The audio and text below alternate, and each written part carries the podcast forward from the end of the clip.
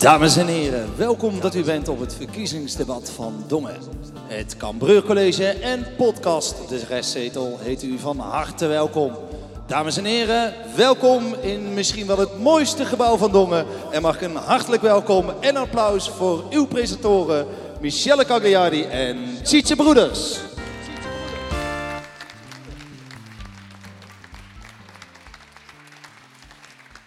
Ja, welkom allemaal vandaag op het Cambrug College. Um, we organis organiseren vandaag samen met uh, uh, de restzetel dit mooie verkiezingsdebat. Debat, sorry, inderdaad op dit mooie gebouw. Uh, mijn naam is Michelle Gagliardi en ik ben docent maatschappijleer en maatschappijwetenschappen hier op het Cambrug College. En mijn naam is Tjitse Broeders en ik ben ook docent maatschappijleer sinds uh, zes weken. Ik heb vandaag, dames en heren, voor het eerst mijn allereerste twee leerlingen de klas uitgestuurd. Uh, hoort er ook bij, ja, dank u wel. Applausje, applausje. Zij wisten niet wat zij moesten doen en ik wist dat eigenlijk ook niet. Dus uiteindelijk echt de liefste leerlingen van de school, hè? ja kan met de stress te maken hebben. Um, uiteraard organiseer ik samen met uh, mijn vader Harry Broeders en Stefan, die ergens rondloopt, uh, daar aan die kant staat hij, uh, de podcast De Restzetel. En deze avond organiseren we samen. Fijn dat u er bent. Hey, en we horen de schoolband al even spelen. Ik wil daar even graag een heel groot applaus voor. Ja, ze zitten nu in de repetitieruimte weer ergens. Ah, maar dat horen ze wel, dat horen ze wel. En ze komen vanavond nog terug. Hey, volgende week, uh, 14, 15, 16 maart zijn de gemeenteraadsverkiezingen. Misschien bent u een zwevende kiezer, weet u niet of u, of u wil gaan stemmen of op welke partij. Nou, daarom hebben wij deze avond uh, georganiseerd. Vandaag gaan de vijf uh, lijsttrekkers van de deelnemende partijen hier in Dongen met elkaar in debat. Uh, maar ze gaan ook in debat met ons, met ons lagerhuisteam. Ja, daar mag voor geapplaudiseerd worden, zeker. Ik weten. En afgelopen maandag was het allereerste lijsttrekkersdebat in de Kamerleur georganiseerd door de gemeente. Uh, we hopen dat wij dat uh, kunnen nastreven. Uh, maar wij zijn in ieder geval blij dat ook hier de opkomst heel erg hoog is. Als het allemaal lukt. ik kijk trouwens nou opeens naar, naar, jou, Daniel. Ik weet niet of het nog opgenomen wordt, maar misschien dat het ook nog uitgezonden gaat worden. Gebeurt ook als podcast, dus het is niet terug te kijken, maar wel nog terug te luisteren. Uh, wij hopen op net zo'n leuke avond. Normaal gesproken is zo'n debat natuurlijk het feest van de democratie. Maar we kunnen en we willen daar ook niet uh, even aan uh, stilstaan. Of we willen er juist bij stilstaan dat er nou, op dit moment feest van democratie extra waardevol en misschien ook wel belangrijker voelbaar voor ons allen is. Juist omdat we weten dat niet heel ver hier vandaan het op een hele andere manier gaat. En we hopen ook dat het debat ook zal ontstaan tussen het debatteam en de lijsttrekkers. Want we gaan uit van een respectvol debat, in ieder geval bij de lijsttrekkers. En we hopen dat daarmee ook de vrijheid van meningsuiting ook deze avond hier gevierd mag worden. Goed, uh, Michelle, wij doen even twee stappen opzij, want hij zit er helemaal klaar voor. De Maarten van Rossum van Dongen, zullen we maar eens zeggen. Dames en heren, een applaus voor Harry Broeders, de Eminence Grise. Hij zit er heel jovel bij. Um, Harry, um, laten we even beginnen met het volgende. Want alle toeschouwers hier hebben het restzetelnummer gekregen op het papiertje. En Harry is eigenlijk jullie contactpersoon voor vanavond. De interactie met het publiek. Daarvoor waar, de stem, uh, ja, waar wij als restzetel voor zijn opgericht. Namelijk het contact tussen jullie aan deze kant en de vijf mensen, onder andere de vijf mensen hier aan deze kant. Mocht jij vanavond vragen hebben, en Harry heeft zijn mobiel, laat hem even zien Harry, uh, bij zich. Um, kan dat dus door dat telefoonnummer? Er is één technische mededeling. Je moet namelijk um, dat nummer wel in je uh, adressenboek opslaan. Anders krijgt, ontvangt Harry het niet. Hoeft zelfs niet eens meer, Stefan. Nou, helemaal top. Dus dat hoeft ook niet. Mocht u dat wel doen, dan krijgt u iedere zaterdagochtend een update wanneer uh, onze aflevering online staat. Uh, Harry, kan jij het telefoonnummer nog even noemen? 06 82 25 4491. Nou, fantastisch. Uh, en we doen uh, als volgt, na iedere stelling is er ruimte voor 1 à 2 à 3 uh, vragen van jullie aan eventueel de lijsttrekkers. Dus mocht het zo zijn dat u na twee minuten denkt, goh, wat hoor ik hier voor fantastisch verhaal, of hier heb ik nog wel een vraag over, schroom niet, dames en heren, app het meteen naar Harry, dan kan hij het meenemen en zal hij het ook gebruiken. Vermelding van de naam bij het appje is wel handig ook. Dat u zegt, nou, ik heet zo, zo, zo, zo en ik heb deze vraag. Harry heeft ook nog een gong en die laat hij één keer klinken. Want die zal die na iedere tien minuten, zo lang duurt namelijk een stelling, zal die daarop slaan. Nu? Ja, maar dat, die, die, die gong die doet eh 10 minuten of zo. Beschaafd, Oké, ja, het lijkt wel een beetje de Efteling hè, op deze manier. Fata Morgana. Ehm Michelle, zullen wij het programma eens gaan doornemen van deze avond? Nou ja, laten we vooral de lijsttrekkers ook even eh, welkom heten met een groot applaus. Heb ik die overgeslagen in mijn... ja, Ja, laten we daarmee beginnen, sorry.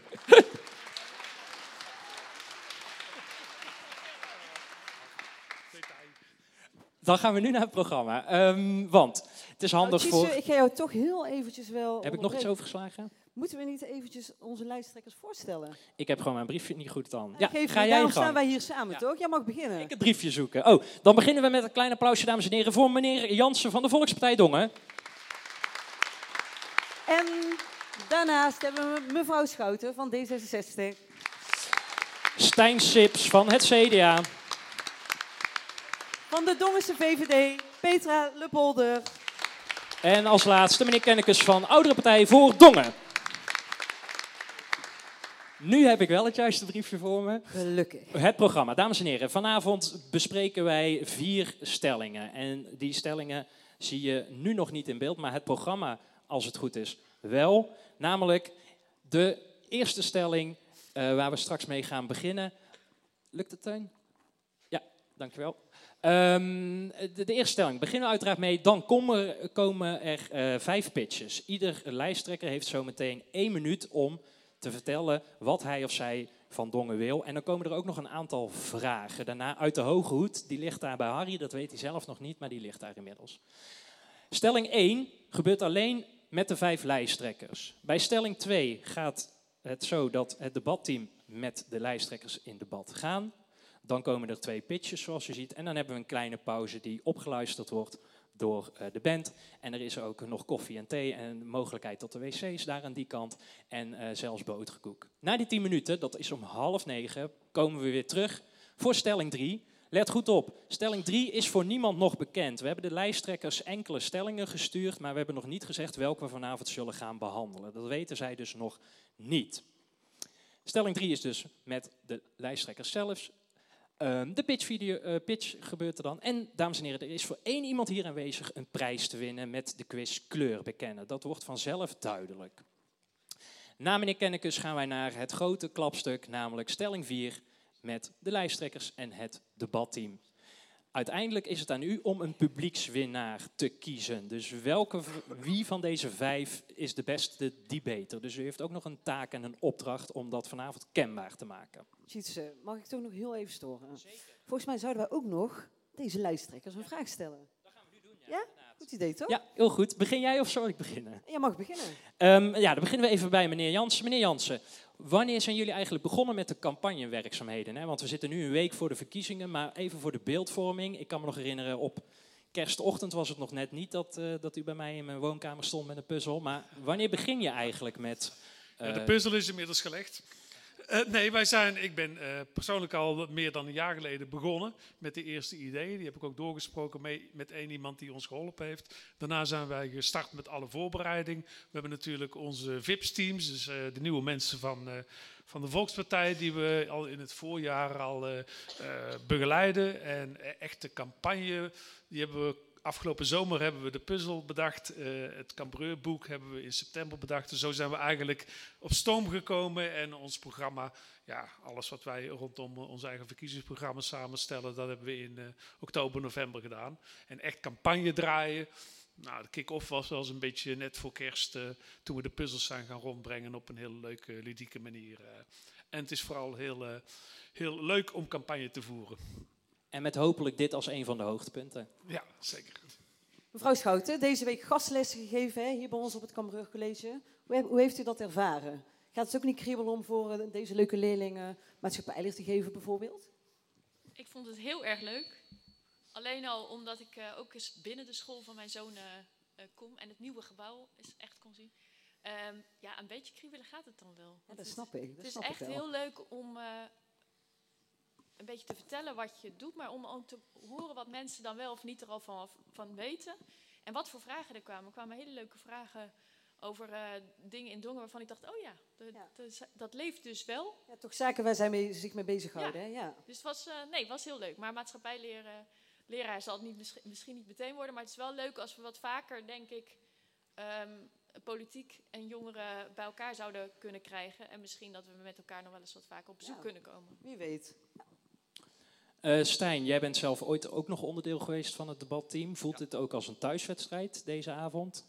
Ja, het voelt wel heel vertrouwd, moet ik zeggen. Maar eh, het is natuurlijk wel, ik heb in dit gebouw nog nooit gedebatteerd. Dus het oude Cambreur was wel een beetje, was me echt eh, thuis, om het, maar, om het maar zo te zeggen. Nee, dus ik vind het heel leuk om, om nu weer eens een keer aan de andere kant te staan. En ik weet heel goed wat ze doormaken nu op dit moment. Dus eh, ze lachen nu wel, maar als een boer met kiespijn. Dus dat is, eh, nee, dus dat is alleen maar leuk om dat eh, te herkennen. Ja.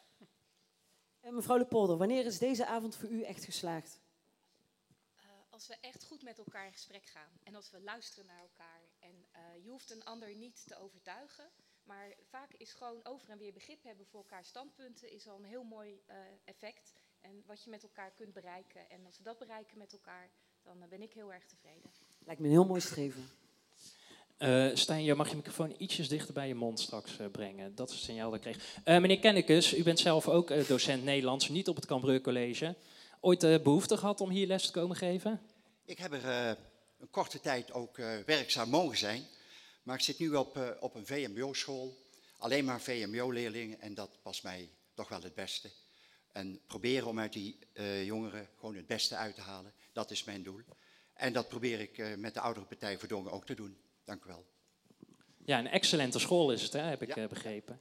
Eh, we gaan even, Michelle, kijken naar de debatregels van vanavond. Even kijken naar de debatregels. Ehm, als, als we zo meteen gaan debatteren en als de lijsttrekkers eh, inderdaad iets willen zeggen, dan vinden we het fijn als jullie even je hand opsteken. Ehm, want ja, j- jullie staan natuurlijk al. Voor jullie geldt, als je iets wil zeggen, dat weet je. We doen binnenkort mee in een wedstrijd, hè, dus al die debatregels die, die kennen ze al heel goed. Dan moeten ze gaan staan. Yes, dat is dus niet, niet anders dan met, eh, met de wedstrijd. Ehm, iedere lijsttrekker verkondigt, verdedigt het standpunt van zijn of haar partij. Dat lijkt me logisch. Eh, ik zal zo meteen bij aanvang van een stelling ook vertellen wat ons uh, Lagerhuis-debatteam, of zij voor of tegen een stelling zijn. Ik wil jullie wel er even bij vertellen. Deze leerlingen, die kunnen, al, die kunnen wat dat betreft alles. Die kunnen voor of tegen een stelling zijn. Dat repeteren we al, al maanden. Die hebben zoveel argumenten in hun hoge hoed. Maar we maken zo meteen wel eventjes uh, even een keuze. Uh, nou, iedere stelling duurt dus 10 minuten. En na iedere stelling is het woord aan Harry met een ingestuurde, vraag. Er zit één joker in het spel, althans het zijn er eigenlijk vijf. En uh, daarvan hebben we een aantal regels. Let goed op. Wat is nou eigenlijk een joker? Een joker kan iedere lijsttrekker op ieder willekeurig moment inzetten. Dat zien we ook op de volgende slide. Dan zien we ook de regels. Op de volgende slide zien we, een lijsttrekker kan op ieder moment één joker inzetten. Als die eenmaal gebruikt is, kan dat daarna niet meer. Laat even, Stijn, zou je hem even omhoog kunnen houden voor iedereen? Ja, heel goed, dankjewel. Of meneer Sips bedoel ik, excuus. Um, op dat moment daag je een andere lijsttrekker uit, kom je naar voren en dan gaan ze hier tegenover elkaar staan voor maximaal twee minuten. Wij moeten even de rekening mee houden dat we dan nog een microfoon geven, zodat ze met een draadloze microfoon kunnen spreken. Na die twee minuten is het ook klaar en vervolgt de rest van het debat, wat dus tien minuten in totaal uh, uh, duurt. Althans, de stelling duurt 10 minuten, maar het kan zomaar zijn dat er drie jokers in één ronde worden ingezet en dan zit je al snel natuurlijk op 16 minuten. Goed, uh, en iedere joker kan ook ingezet worden bij iedere stelling. Dus ook eventueel met het debatteam, maar niet tegen jullie, maar dan misschien wel onderling tussen de vijf lijsttrekkers. Hè. De debatteam heeft geen joker. Goed, volgens mij zijn we er uh, bijna wel, toch? Ja, jij mag volgens mij beginnen met de stelling. Zelfs. Ga ik dan ook doen. Dames en heren, stelling 1 van deze avond is... de gemeente moet aankomende bestuursperiode zorg dragen... dat 55% van alle nieuwbouw uit sociale huurwoning bestaat. Ik ga eerst heel even naar Harry... die in drie, vier zinnen even duidt wat de stelling nou precies inhoudt. Harry. De gemeente Dongen heeft een woonvisie 2018 tot 2022... Die is vastgesteld door de gemeenteraad. Hierin staat onder andere hoeveel er wordt gebouwd en in welke prijsklasse. De norm is 35, 35, 30. Dit vereist enige uitleg. 35% van de nieuw te bouwen woningen is in de sector goedkoop. Dat betekent bij een koopwoning tot 210.000 euro en huur 752 euro per maand. Dat is net beneden de huursubsidiegrens. 35% van de nieuw te bouwen woningen in, is sector middel. De koopwoningen variëren dan van 210.000 euro tot 320.000 euro en de huurprijs van 752 tot 1000 euro per maand. 30% van de nieuw te bouwen woningen is in de sector duur. En dat is koop vanaf 320.000 euro en huur vanaf 1000 euro per maand. Er is grote behoefte aan betaalbare woningen in Dongen, juist in de goedkope sector. Maar ze zijn er niet en worden ook niet gebouwd wanneer de gemeenteraad hier niet sturend in gaat zijn in de nieuwe vastgestelde woonvisie van de gemeente Dongen. Ik ben benieuwd wat de lijsttrekkers hiervan vinden en kunnen er ook eens daadwerkelijk keuzes worden aangegeven. Anders weten de inwoners van Dongen nog niet waar ze op moeten stemmen. Ja, dankjewel Harry. De lijsttrekkers hebben allemaal uh, de kleur onder het tafeltje rood gemaakt. Dat betekent dat ze allemaal oneens zijn met deze stelling. Maar laten we eens kijken of er verschillen zijn of des te meer misschien wel overeenkomsten. Ik wil graag bij meneer Kennekes van de Oudere Partij voor Dongen beginnen. Waarom heeft u uh, aangegeven dat u het niet eens bent met deze stelling? Gaat u gang. Ja, 10 minuten gaan nu in. Ja. 55 procent, dat is natuurlijk een getal wat uit de lucht gegrepen is. We hebben al jaren bouwen hier volgens percentages en dat is volgens mij heel onjuist. Het gaat erom dat wij samen met alle belanghebbenden, en dan bedoel ik uh, woningzoekenden, ik bedoel starters, senioren, uh, de gemeente, projectontwikkelaars, gaan kijken van wat willen wij, wat kan er, wat hebben we nodig. Maar één ding staat voor ons wel voorop, wij willen niet onze kostbare grond uh, beschikbaar stellen voor peperdure villa's, waar alleen vermogenden buiten de regio hier komen wonen. Dank u. Even kijken, ik kijk naar meneer Jans, want die geeft aan dat hij iets wil zeggen. Gaat gang. Nou, uh, de, de, verhouding 35-30-30 die is er al zo'n beetje 100.000 jaar. In ieder geval zolang als ik in de politiek zit. En voor, mij, voor ons hoeft dat niet de komende 100 jaar ook nog zo te zijn. Om een vast te pinnen aan 55, dat vind ik ook gewoon niet, uh, niet nodig. We moeten echt gewoon meer met elkaar gaan kijken, waar ligt nu de behoefte? Wat willen we bouwen? Waar? In alle kernen willen we voor iedereen woningen bouwen. En als het in een jaar... Uh, of een aantal jaren, als we een inhaalslag moeten maken voor sociale woningbouw, dan moeten we uh, samen met Cassade of andere partijen in staat zijn om een ander verhoudingsgetal op te nemen in onze plannen. Ik ga naar meneer Sip van het CDA. Ja, ja meneer Jansen heeft en het daarna over, naar mevrouw Lepolder. Is het geluid uh, zo goed? Ja. Ja, meneer Jansen heeft het over kijken naar de behoeften. Die behoeften weten we. We hebben als geme de gemeenteraad heeft een woningbehoefteonderzoek laten doen. Daar heeft u ook allemaal thuis destijds een brief voor uh, op de mat gehad. Misschien ook wel aan meegedaan. Dus we weten welke behoefte er is bij de Dongens uh, inwoner en degene die verhuisplannen heeft. En daarvan komt het ook naar voren dat inderdaad de goedkope sector, dat daarvoor gebouwd moet gaan worden. Maar aan de andere kant zien we ook juist dat de middeldure sector, dat daar woningen tekort zijn. We hebben maar 8% middeldure huurwoningen in Dongen op dit moment. Dus het is een veel groter probleem. En daarom zegt het CDA ook eigenlijk al sinds jaar en dag, zorg nou dat elke wijk een verhouding heeft van 35% goedkoop, 35% middelduur en 30% dure woningen. En wat het bijkomende voordeel is, dat je niet in het westen van Dongen een wijk hebt waar, het, waar er armoede is en in het oosten van Dongen uh, alleen maar luxe villa's hebt staan. Ja, mevrouw Lepolder en daarna mevrouw Schouten. Wij zijn uh, afgelopen maanden heel veel bij mensen huis van huis geweest en hebben daar eigenlijk op het gebied van woningmarkt drie antwoorden gekregen van onze inwoners. Een deel van onze inwoners maakt zich heel erg zorgen dat hun kinderen ooit nog eens zelfstandig kunnen gaan wonen. Die wonen veel te lang bij moeders onder het dak en die willen gewoon heel graag een plekje voor zichzelf. Onze senioren zouden ook heel graag naar een andere woning willen, maar wel een die echt bij hun wensen past en niet een die door een aannemer is bedacht. En dan hebben we ook gewoon nog de groep die zegt, ja, dit huis het past eigenlijk niet meer met me, ik wil graag naar iets anders. Wat voor ons het allerbelangrijkste is, en nog belangrijker dan welk percentage dan ook, dat of we nou duur of goedkoop of wat dan ook bouwen, dat we samen met de inwoner waar het om gaat bepaalt wat voor soort huis moet het worden. En niet standaard een, een sociale huurwoning, grondgebonden. Wie weet hebben onze jongeren daar helemaal geen behoefte aan. Ja. Dus ga met de mensen praten over wat er gerealiseerd moet worden. Dank u wel. Voordat ik naar mevrouw Schouten ga, uh, de, het nummer is al actief. Harry, uh, ontvang je al iets? Mevrouw Schouten. Jawel, ja. Ja, um, wij denken wel dat er echt heel veel meer sociale huurwoningen moeten gaan bouwen. Want we lopen achter en je merkt dat daar de grote groep in zit. Um, alleen als je 55% gaat bouwen, blijft er eigenlijk geen ruimte meer voor goedkope starterswoningen. Daar is ook heel veel behoefte aan. En je kan niet alleen maar goedkope woningen gaan bouwen. Dus daarom vinden we die 55% aan de hoge uh, kant. Um, even als reactie op eh, eh, het CDA, die zegt die percentage 35, 35, 30 moeten we in stand houden. Ondertussen hebben we wel woonbehoefteonderzoek gedaan en komen er nog meer onderzoeken. Ehm, wij denken wel dat we die moeten aanpassen, omdat uit die onderzoeken komt waar onze behoeftes liggen. En dan vind ik het wel goed om op een gegeven moment percentages vast te stellen, zodat we uh, daar ons met elkaar allemaal ook aan proberen te houden. Anders krijg je weer dat uh, ze zeggen, ja, er zijn er tien duren gebouwd, maar dat maakt niet uit, want we hebben geen vaste percentages. Uh, maar volgens mij moeten de percentages wel aangepast worden, zeker omdat de goedkope sector schuift steeds meer op. Dus het goedkoopste huis was eerst, zeiden we, moet ongeveer onder de twee ton gebouwd worden. Nu zitten we inmiddels al een drie ton. Dus die onderste sector wordt steeds groter.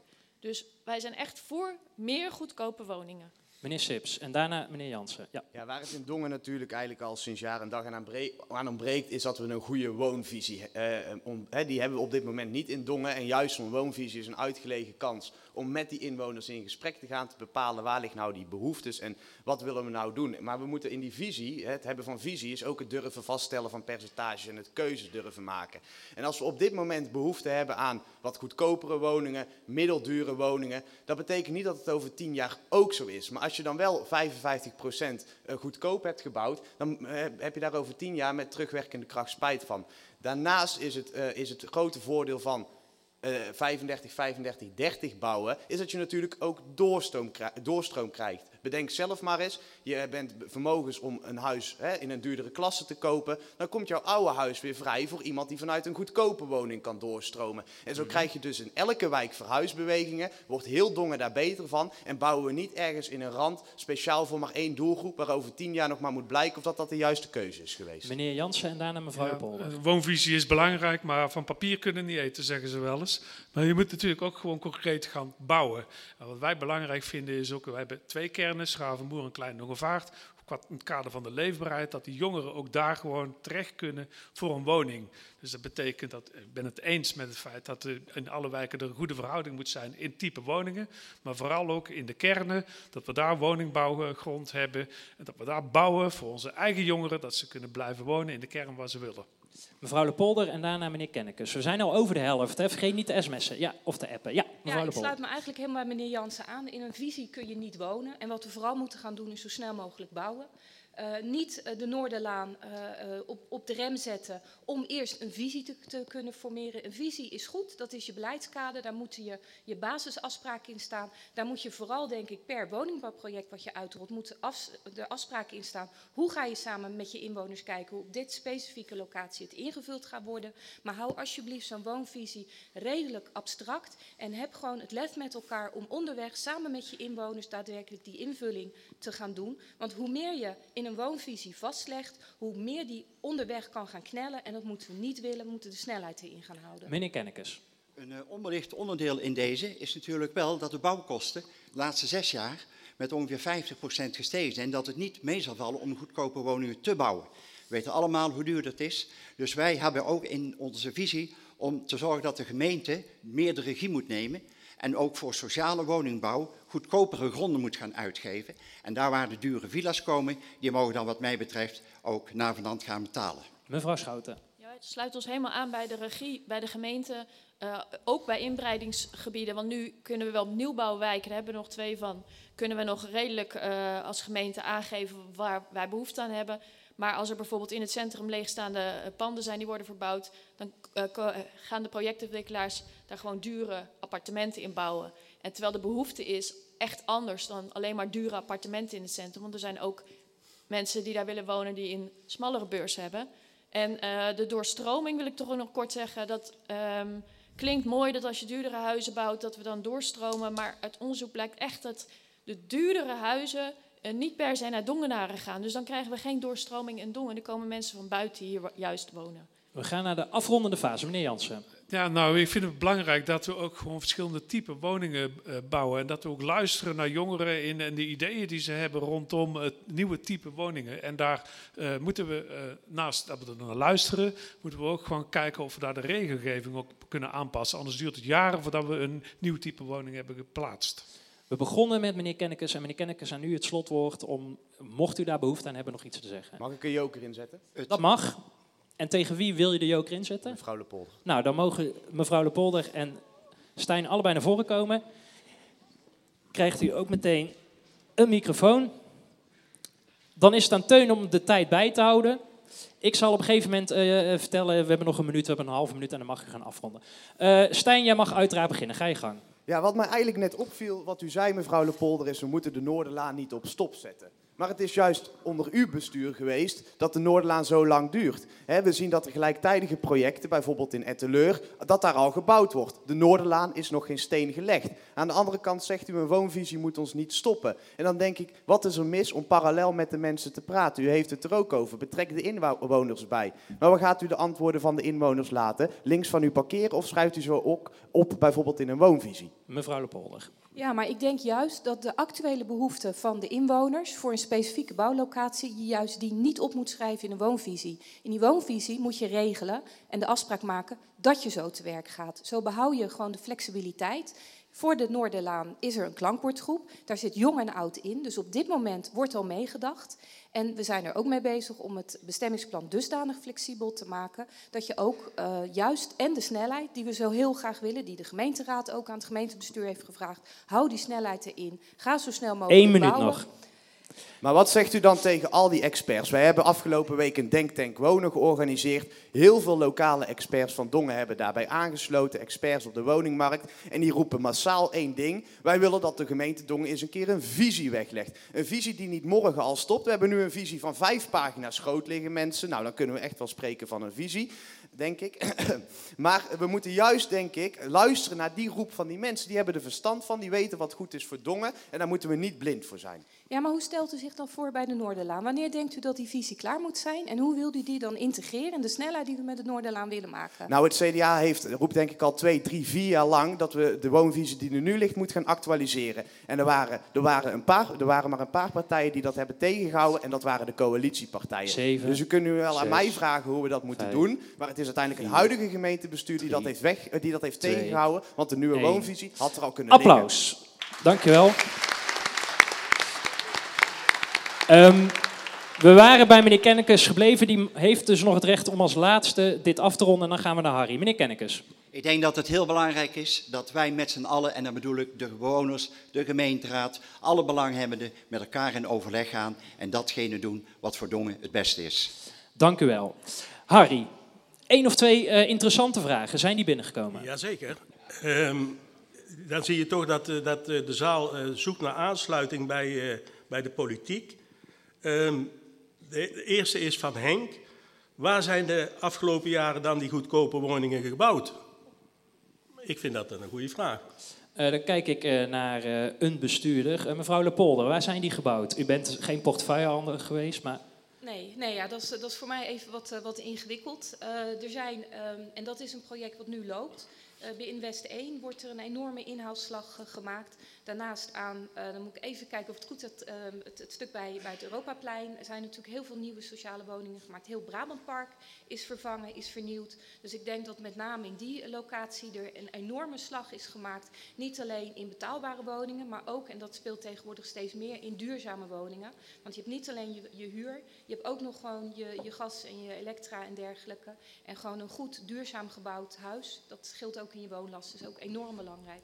dankjewel. Een tweede en tevens afrondende vraag, Harry, gelet op de tijd. Ja, ehm, Kees de Jong, eh, ik vind het een hele scherpe opmerking, die zegt...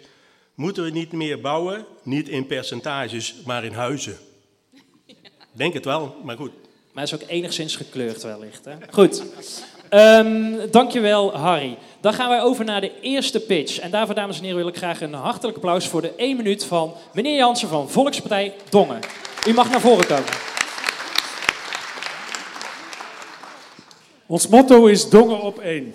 Dat geeft aan waar we voor staan. Want onze drijfveer is 100% lokaal. 100% Dongen, Schavenmoer en Klein Dongenvaart. Vanuit een groot verenigingshart en vanuit diepe wortels in de Dongense samenleving. Wij zijn er dus voor iedereen, we zijn er overal en altijd. We staan maandelijks met praten op straat, op het Looiersplein, ook in de andere kernen. En dat doen we ook buiten verkiezingstijd. Onze top 5. Allereerst willen we graag de verenigingshal bouwen. We willen wonen voor iedereen in alle kernen. We willen toegankelijke zorg met kortere lijnen voor de indicaties. En voor de kernen willen we het verkeersplan Schravenmoer uitvoeren en het jeugdcentrum Klein Dongevaart behouden. En we willen Sjors Sportief en Sjors Creatief zeven, inzetten, gratis voor alle jeugd, vijf, dat ze de sport kunnen beoefenen. Dus stemlokaal, in het stemlokaal, lijst 1, één. Volkspartij Dongen. Applaus. Maar vooral, ga stemmen. U mag nog even blijven staan.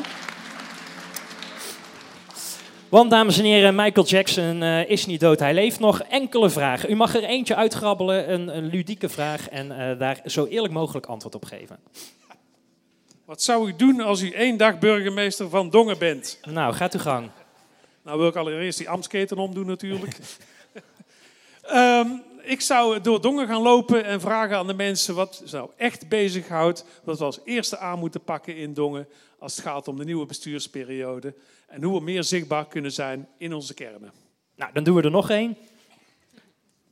Ik moet u er wel uithalen, want anders gaat mevrouw Schouten straks precies hetzelfde zeggen wellicht. Hoe ziet de gemeente Dongen er over vier jaar uit? Mooier.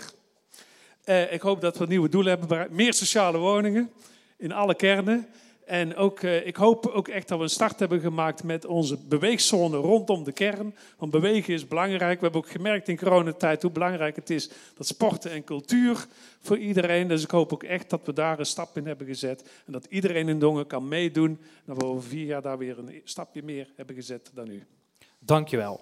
Mag de microfoon terug aan mij en een briefje ook. Dames en heren, René Jansen van Volkspartij Dongen. Zometeen doen we nog één stelling voordat de pauze gaat beginnen. En dat is misschien wel de leukste stelling. Ik ga eerst even naar Harry. Want Harry, we gaan het hebben over drugscriminaliteit. Heb jij daar iets van een soort mening over als het gaat over drugscriminaliteit onder jongeren? Ehm, ja, opvallend. Deze stelling is ingebracht door de jongeren van het debatteam. Want deze stelling wordt ook op vrijdag 1 april, zoals er straks al aangegeven, bediscussieerd naar, op weg naar het lagerhuisdebat, waar dit team ook aan mee gaat doen. De wet van Damocles is bij deze stelling van belang. Op grond van deze wet kunnen woningen worden gesloten waarin drugs worden verhandeld en aanwezig zijn. De overlast hoeft bij deze wet niet aangetoond te worden. Ik luister graag naar het debat. Ik neem aan dat het met de jongeren is, eh, die zij samen met de vijf lijsttrekkers over dit boeiende onderwerp gaan doen. Yes. Michelle, aan jou het woord. Dankjewel Harry. Wil jij de microfoon aan Anouk geven? Oké, de stelling luidt als volgt. Dongenaren moeten het verplicht melden als ze vermoedens hebben van drugscriminaliteit. Anouk, ik geef het woord aan jou. Ja, hallo. Hier in deze gemeente vloeit niet alleen de verkiezingsstrijd, hier vloeit ook de Dongen. En deze mondt uit in de grootste drugshaven ter wereld. Jawel, Brabant staat bol van de drugscriminelen. Dus we moeten het hier aanpakken en we kunnen wel zeggen, ja jongens, het zou fijn zijn als je het meldt. Nee, even hard op de vingers stikken. Je moet het melden. Het is verplicht. Alleen zo kunnen we het aanpakken. Niet alleen hier in Dongen, maar in heel de wereld. Dankjewel Anouk. Stijn, wil je hier iets op zeggen? Of meneer Sips? Ja. Dankjewel, eh, mevrouw Gagliard. Maar eh, eh, nee, ja, melden, fantastisch idee. Drugscriminaliteit aanpakken, moeten we doen. Ook zeker een eh, landelijke aanpak is daar echt voor nodig. Het CDA heeft er ook een visie landelijk op weggelegd met hele concrete punten hoe we dat gaan aanpakken. Waar het even in deze stelling bij ons om schuurt en waarom we daarom ook tegen zijn, is het woordje verplicht. Want ik ben dan heel, wel heel benieuwd, hoe zien jullie dat voor je, het verplicht melden? Jens? Ja, zoals ik al eerst mag zeggen, wij vinden dat er een openbaar platform moet zijn om het te kunnen melden. En daarnaast, zoals ehm, al net vernoemd werd, er is inderdaad een wet van Damocles, maar wij vinden ook dat er een zwaard van Damocles moet gaan hangen bovenop de drugsdealers hier in Dongen. Wij zijn een hele mooie gemeente en we willen het zo schoon mogelijk houden. En dat kunnen we alleen doen met het melden van drugscriminaliteit.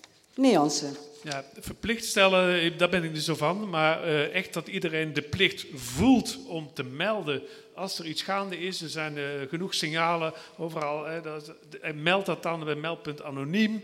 Of, maar wel dat iedereen de plicht gaat voelen. Anouk, je wil er heel graag op reageren. Ja, en net zoals bij mijn huiswerkopdracht, als mijn leraar zegt, zou je dat alsjeblieft willen maken? Ja, dat doe ik niet, sorry. Maar als het is, ja, anders moet je nablijven, ja, dan doe ik het wel. En het is belangrijk dat wij die plicht voelen, want laatst waren er twee schoolgenoten die in het ziekenhuis lagen omdat hun dr- drankjes gedrogeerd worden. Dit is geen probleem. Ja, het zou fijn zijn als we er iets aan doen. Nee, dit is inderdaad dat zwaard dat boven ons hangt. En als we niet oppassen, dan vallen daar nog meer gewonden aan. We moeten hier iets aan doen en dat kan enkel door verplichtstelling. Maar verplicht stellen betekent ook dat je erop moet handhaven. Nou, dat lijkt me toch onmogelijk. Ja, en anders dan bij huiswerk, eh, dat kan je, kan je controleren. Ehm, hiervan eh, kan ik gewoon zeggen van ja, maar ik, ik had niks gezien. Ik liep gewoon door. Dus als jij het verplicht stelt, moet, je ook wel, eh, moet iemand wel toegeven dat hij iets gezien heeft of iets gemerkt heeft. En ik denk dat heel veel inwoners uit onze gemeente eigenlijk niet eens goed weten wat nou de signalen van drugscriminaliteit zijn. Dus wij zouden veel meer inzetten op bewustwording, signalering. En dan heb je misschien een ethisch eh, meld, hè, wat je vanuit jezelf gaat melden, maar dat kan je nooit verplicht stellen. Mevrouw de Polder wilde daar ook op reageren. Ja, ik denk dat we inderdaad met meldmisdaad anoniem al de mogelijkheid hebben om te melden. En ik hoop van ganse harte dat iedereen die eh, in de gaten heeft dat er ergens iets niet klopt, ook die verantwoordelijkheid pakt. We zijn een partij die ook draait om verantwoordelijkheid. Waar ik niet coulant mee wil zijn, is de wet van Damocles. Op het moment dat er inderdaad geconstateerd wordt dat er drugs in een pand is, moeten we ook gewoon de volledige mogelijkheid pakken om een pand te sluiten. Want alleen op die manier kun je ook laten zien dat het, eh, dat het niet loont om eh, in de, in de, de drugscriminaliteit te gaan. En op dat punt wil ik zeker niet coulant zijn, dan moeten we echt doorpakken. Ik ga naar Sueda en daarna naar meneer Kennekes. Eh, ja, mevrouw Schouten, ik wil heel graag op u reageren dat er, zeg maar, mensen dat niet weten. Als wij het verplicht gaan stellen, als daar meer informatie voor gewone burgers beschikbaar komt, dan weten mensen het gewoon te herkennen. Zo, al- door mensen te onderwijzen, zo kunnen wij die drugscriminaliteit heel goed gaan aanpakken. En zo kunnen wij onze buurt, onze gemeente veel veiliger maken. Meneer Kennekes, toch nog even. Ik kom straks nog bij u terug. Ik zou eh, in deze zin eigenlijk één woord willen toevoegen en dat is moreel verplicht. Verplicht kun je niet controleren, maar een morele verplicht kun je wel controleren. We hebben allemaal de verantwoordelijkheid voor ons dongen en ik denk dat we met z'n allen samen moeten doen. En dat betekent, merk je iets, kijk en meld het. Ik ga naar mevrouw Schouten en dan kom ik bij jou, Anouk.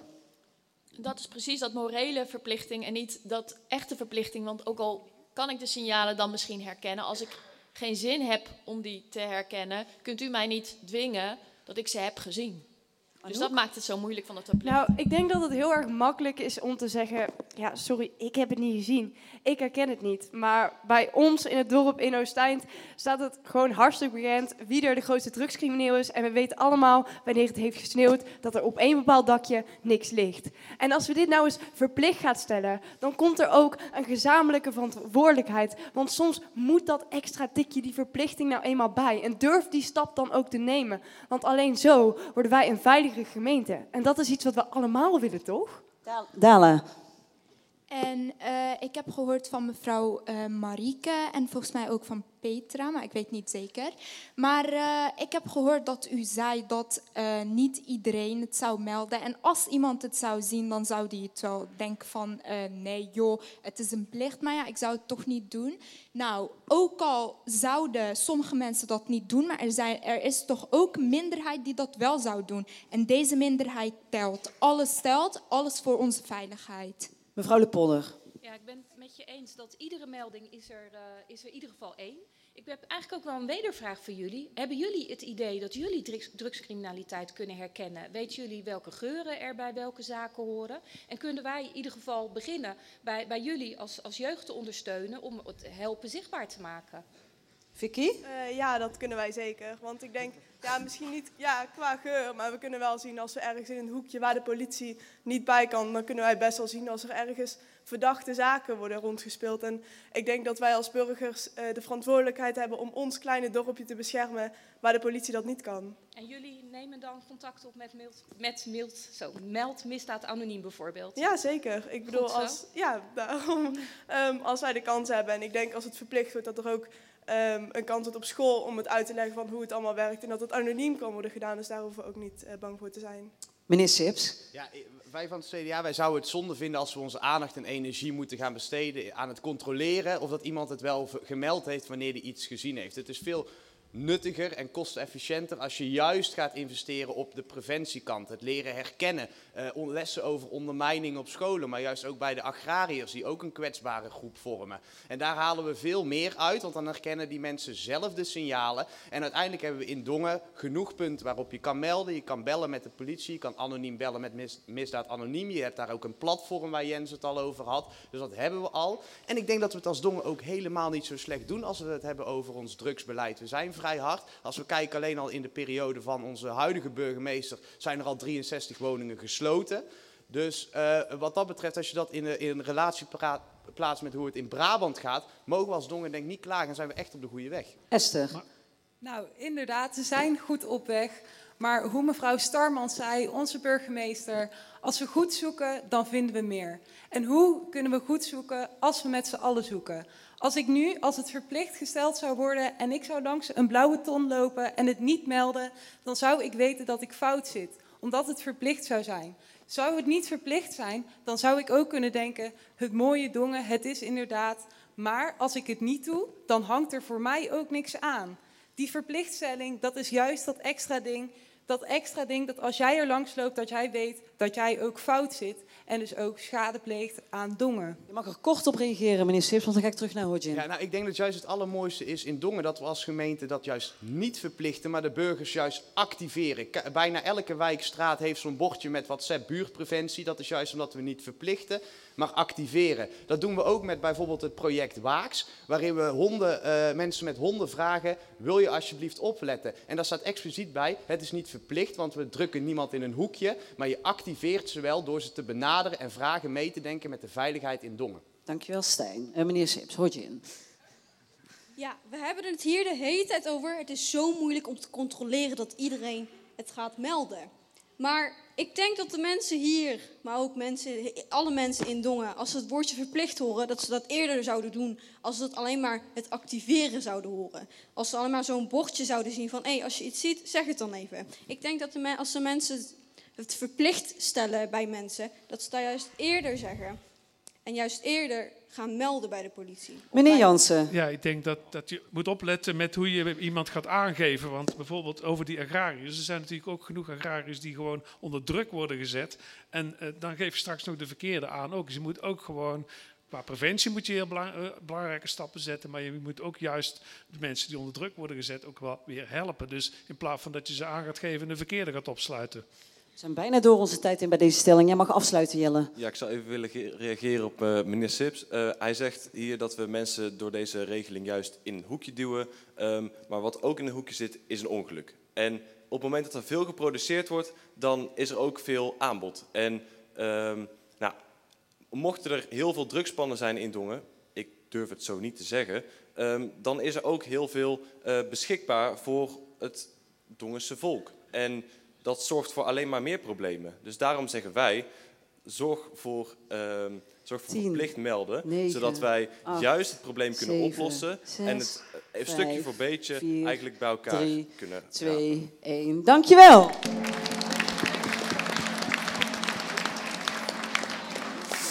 Uh, yes, dames en heren. Uh, als tweede is de pitch voor mevrouw Schouten. Dames en heren, applaus voor mevrouw Schouten van D66.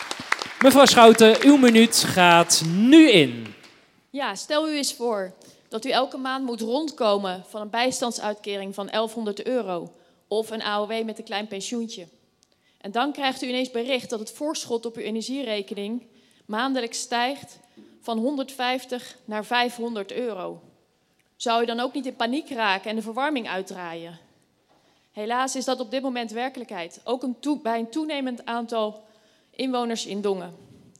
En D66 vindt dat deze inwoners onze hulp keihard nodig hebben en wel direct. Er is al geld toegezegd vanuit het Rijk voor inkomensondersteuning en energiebesparende maatregelen. Ook Cassade krijgt extra geld voor het versneld verduurzamen. D66 wil dat de gemeente stevig de regie pakt, samen met Energiedongen Duurzaam, 9, Cassade 8, en de wijkraden 7, en in actie komt. 6, Want we laten onze inwoners 5, toch niet in de kou staan. 3, Dank u wel. 2, 1. Blijf nog heel even staan. Uh, u dacht zelf al van, hè, maar heeft Harry geen vragen gekregen? Harry, heb je nog vragen gekregen over de stelling van net, over drugscriminaliteit? Nee, maar wat ik, ik eventjes aan mezelf, want ik kan aan mezelf niet appen natuurlijk. Uh, deze jongeren... Eén groepsappje aanmaken en dan die andere... Nou. Ja, maar goed. Deze jongeren vragen om hulp aan de politiek. En ik zie hier... Oh, ik zie hier niet dat dit overeenkomt met elkaar. Zij weten veel meer van drugs dan aan die kant. En dat vind ik wel jammer. Ja, nee, zij weten wat er gebeurt in Dongen. En... Ik reken mezelf ook nog tot de jongen. Nee, nee, nee, nee, nee. nee. Eh, waarvan akte, zou Matthijs van Nieuwkerk zeggen. Goed, eh, mevrouw Schouten, eh, twee vragen voor u uit de Hoge Hoed. Dankjewel, Harry. Fijn, Tietje, dankjewel. Lijkt wel of we de podcast wat opnemen zijn. Eh, daar gaan we. Wanneer is uw verkiezingscampagne geslaagd? Ehm, wij zouden heel blij zijn met eh, vier of vijf zetels. Maar ik denk dat onze verkiezingscampagne vooral geslaagd is als er eh, veel meer mensen dan de vorige keer gaan stemmen. Dus dat we ruim boven de 50% uitkomen. Dan doen we nog een tweede. En die mag weggegooid worden. Ja, dat is het nadeel als je, als je geen broek hebt. Hè? Eh, de tweede vraag. Waarom moeten de kiezers op uw partij stemmen? Ja, ik zou op D66 stemmen eh, omdat we de afgelopen vier jaar hebben geprobeerd om de kwetsbare inwoners in onze gemeente eh, meer een stem te geven en daar meer hulp voor te regelen. Ehm, tot nu toe vinden we dat dat nog niet goed gelukt is. En we hopen dat de komende vier jaar deze inwoners wel meer aan de beurt komen. En dat we echt vooral op armoede, schuldhulpverlening, maar ook complexe scheidingen eh, en de mantelzorgers veel meer aandacht en inzet kunnen doen met elkaar. Dames en heren, applaus voor mevrouw Schouten. Dank u wel. Eh, Michelle, we hebben de eerste twee stellingen gehad. En er is nog een eh, volgende pitch. En die is voor een meneer eh, Sips, toch? Ja, klopt. Ja, en die wil jij even aankondigen als eh oud-docent. Ga je gang. Nou, heel hartelijk applaus voor Stijn Sips van het CDA. Alsjeblieft. Eh, dames en heren, één minuut de tijd voor meneer Sips van het CDA. En daarna zullen wij zeker pauze gaan houden. Meneer Sips, aan u het woord. Dank je, dank je. Beste Dongense kiezer, ik hoop dat u het net zoals ik heel belangrijk vindt dat we ons de komende vier jaar gaan richten op onder andere de volgende drie pijlers. We moeten meer gaan bouwen, maar ook zeker sneller gaan bouwen. Als, de eh, als gemeente zijnde hebben we de afgelopen jaren het laten liggen om alle regelingen aan te pakken die er zijn om versneld te kunnen gaan bouwen. Ten tweede moeten we de democratie versterken. Deze zaal moet over vier jaar nog voller zitten. Vooraf betrekken en niet achteraf informeren. Dat is ons standpunt. Onze lokale expertise meer inzetten. Dat doen we al met denktanks, ronde tafels, gesprekken. Dat moet meer. En als derde de financiën. We zijn de slechtste in Brabant en het, we hebben een lange adem nodig om uiteindelijk uit de, eh, tot een oplossing te komen. En daarvoor moeten we keuzes durven maken. Maar één ding moeten we zeker niet doen en dat zijn onze noodzakelijke investeringen doorschuiven naar de volgende generatie. Want die moeten we niet met de problemen opzadelen negen, die wij nu zelf veroorzaakt hebben. Ik hoop dat u deze ambities met mij deelt zes, en dat u ons de kans geeft vijf, om na 16 maart dit waar te mogen maken in het Dongense twee, gemeentebestuur. Eén. Jij krijgt ook vragen uit de Hoge Hoed natuurlijk. Niet te moeilijk, hè? Niet te moeilijk, nee. Oog dicht. Oh, mag ik? Oh, mag, ja. Oh. ik ben net zo streng als vroeger. Wat vindt u goed aan de andere politieke partijen? En je mag er eentje vraag. kiezen. Mag ik er eentje kiezen? Nou, dan, dan kies ik toch voor D66. Ik, eh, de afgelopen vier jaar als nieuwe partij eh, eh, complimenten voor de inzet die jullie hebben getoond. Het CDA en D66 heeft samen echt veel opgetrokken en ook mooie dingen vanuit de oppositie kunnen bereiken en willen bereiken. En ik denk dat dat ook laat zien wat, hè, hoe samenwerkingsbereid jullie zijn. En dat verdient echt grote complimenten. Dankjewel. Nog een vraag, toch? Je kijkt stiekem, hè? Mag niet. Ja, ik kan het niet lezen hoor, maar zeggen ze allemaal nee. Even Moet je een kijken. bril kopen. Wat was afgelopen vier jaar uw politieke dieptepunt? Oh, Nou, dat, dat is geen goede vraag voor mij, want ik heb, eh, voor mij moet het nog beginnen, het politieke. eh, het, het, het politi- dus ik weet niet, moet er een andere vraag? Of, Doe maar een nieuwe. Ja? Ik zal hem wel even pakken. Dan doe ik deze terug, ja? Hier. Wat is het mooiste plekje in de gemeente Dongen? Ja, die is voor mij heel makkelijk natuurlijk. Dat is waar het allemaal begonnen is. En dat is hier op dit terrein. Kijk wat voor prachtig gebouwen we hier in Dongen hebben weggezet als Cambreur, hè, met het Cambreur. Ik heb het geluk gehad er zelf ook nog een beetje aan mee mogen denken in mijn eh, middelbare schooltijd. Maar ik denk dat we hier als Dongenaren echt heel trots op mogen zijn. En er gaan straks nog heel veel andere prachtige schoolgebouwen voor de basisscholen eh, volgen. Eh, en dat moeten we koesteren. Dankjewel. Yes. Dankjewel, Stijn. Eh Michelle, de eerste twee stellingen zijn geweest. De pitch is geweest. Mijn excuses naar de, bandleider toe, eh, want er zat, maar het komt goed. Wij gaan even 10 minuten pauze houden. En in die 10 minuten een aantal zaken. Eén, er is zeker koffie en thee, want Bram is eh, lekker bezig. Excuus meneer Thiele. Toiletten zijn aan die kant. Mocht u nu al iets hebben van, goh, ik hoorde nog iets, toch even verifiëren of ik het nou goed begrepen heb. Daar zijn die 10 minuten ook voor. Over 10 minuten exact zal Harry weer op zijn gong slaan. En dan hopen wij dat u binnen de gongslag en de minuut daarop allemaal weer op uw plek zit. Dames en heren, tot zo na de pauze. Uh, dames en heren, terwijl u plaatsneemt, we hebben ze net al even 10 minuten gehoord, maar mag ik een groot applaus voor de schoolband? En zij zullen om na het programma rond half tien zullen zij ook nog even gaan spelen. Dus uh, we mogen ervan gaan genieten. Uh, Harry, wilt u nog één keer op de nog één keer erop slaan voor het serieuze? Dan zijn we echt, echt, echt begonnen. Ja, nog een keer. Ik zal de zakjes doen. Dankjewel. Want wij gaan zo meteen, dames en heren, naar stelling 3. En stelling 3 is dus nog niet bekend voor de lijsttrekkers. Dus we hopen dat er enige spanning in zit. Er zijn nog vier jokers in het spel. Dus wellicht dat die nu gaan komen. Um, Harry, wil jij beginnen? Dan wordt vanzelf duidelijk waar de stelling over gaat. Stelling 3. In een raadsakkoord staan een aantal belangrijke maatschappelijke thema's waarmee de gemeenteraad aan de slag wil. In het merendeel van de gemeenten onderhandelt men nog over een coalitieakkoord. Een raadsakkoord zorgt voor meer dualisme. Met een coalitieakkoord zet je een deel van de raad, de oppositie, buitenspel. Een raadsakkoord wordt vrijwel altijd afgesloten na de gemeenteraadsverkiezingen, maar dat is niet altijd het beste moment. Bij verkiezingen worden immers de verschillen benadrukt. Bij een raadsakkoord wordt juist gezocht naar overeenstemming tussen de partijen. Wat is een takendebat? Doel van het takendebat het concreet maken van de in de meerjarenbegroting opgenomen taakstellende bezuinigingen. Zo. Ja, zonder stotteren. Inwoners van Dongen hierbij betrekken. Een raadsakkoord gaat dus veel verder dan een takendebat. En geloof mij maar, in de verkiezingsprogramma's van alle vijfde partijen zitten heel veel overeenkomsten. Hoef je daar niet meer over te praten in de gemeenteraad. En daarom luidt de stelling, dames en heren, na de gemeenteraadsverkiezingen moeten alle politieke partijen streven naar een raadsbreed bestuursakkoord.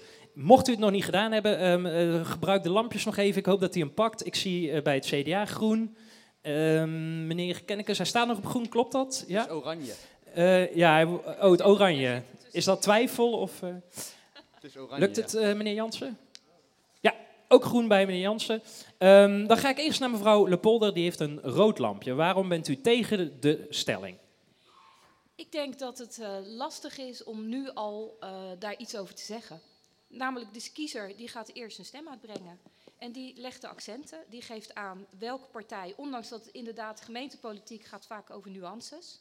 Maar er zitten wel degelijk verschillen in. En ik denk dat het heel erg belangrijk is dat eerst de kiezer aan zet is. Die gaat bepalen, afhankelijk van hoe die zijn stem uitbrengt, welke nuances meer en welke minder aan bod moeten komen. En op basis daarvan ga je met elkaar samenwerken. In eerste instantie met een coalitieakkoord. En natuurlijk zou het geweldig zijn als je uiteindelijk uh, daar zoveel mogelijk van uh, draagvlak ook in de rest van de raad in krijgt. Maar wel in die volgorde. Oké, okay, meneer Jansen, Volkspartij Dongen. Ja, ik heb op groen, maar eigenlijk staat hij op oranje. Um, die zit er ook bij hoor, die optie. Maar... Oh, ja, die heb ik. Maar dan had ik die uh, moeten kiezen. Maar uh, um, nou, wat ik er heel goed aan vind de afgelopen twee jaar... is dat de oppositie en de coalitie veel meer met elkaar zijn gaan optrekken. En dat is toch meer in de stijl van een raadsbreed akkoord. We hebben wel wisselende coalities, wat een, een belangrijk aspect is van een raadsbrede aanpak... Dus die zou ik willen vasthouden. Het is wel zo dat elke partij natuurlijk zijn eigen speerpunten wil terug laten komen. Het is niet zo voor niets dat de kiezer kiest voor jouw partij. Dus dat wil je wel terug laten komen. Dus ik ben een beetje op zoek naar een uh, soort middenweg. Waarbij we niet heel strak een coalitieakkoord hebben. Dat we meteen weer terugvallen in de oude coalitie-oppositie-strijd. Uh, en dat we twee jaar verliezen uh, in het elkaar uh, politiek afmaken. En mm-hmm. niks bereiken voor Dongen. Tot heel erg open. Mevrouw Schouten. Ja, wij denken dat we die middenweg toch um, meer gevonden hebben. Door voor een akkoord op hoofdlijnen te gaan. En wij waren uh, heel erg voor een raadsbreed bestuursakkoord. Maar wij zijn na deze vier jaar uh, een beetje teruggekomen. Wij denken dat Dongen daar nog niet aan toe is. Maar dat je door een akkoord op hoofdlijnen wel de scheiding oppositie-coalitie veel kleiner maakt. Doordat er veel meer in de raad nog bepaald kan worden. Dus niet alles moet helemaal dichtgetimmerd zijn en alle kleine plannetjes. die moeten in de raad komen. En een raadsbreed bestuursakkoord heeft toch ook wel heel veel nadelen.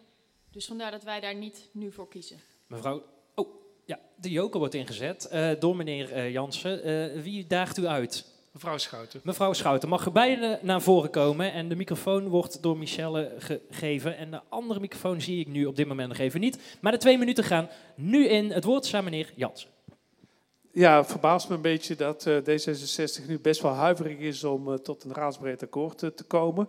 Um, we hebben het er wel eens over gehad, mevrouw Schouten, maar u heeft, we hebben het altijd gehad. We, willen zo algemeen mogelijk een akkoord beschrijven, of het nou coalitie, bestuurs of raadsbreed akkoord is. maar u heeft wel het dikste verkiezingsprogramma, maar liefst 60 pagina's dik, waarbij die in detail beschrijft hoe het allemaal uitgevoerd moet worden. En dat vind ik nogal opvallend, want bent u dan niet bang dat de radertjes vastlopen binnen de kortste keren en dat we dan over vier jaar niks hebben bereikt?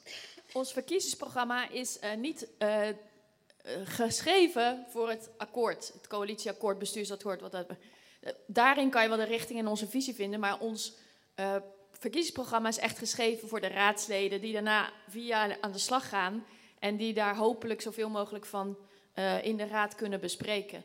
Dus ik, ik, denk dat het heel belangrijk is dat we na de verkiezingen gaan kijken hoe het ervoor staat. Dat we dan op hoofdlijnen met elkaar bespreken waar Dongen heen moet gaan.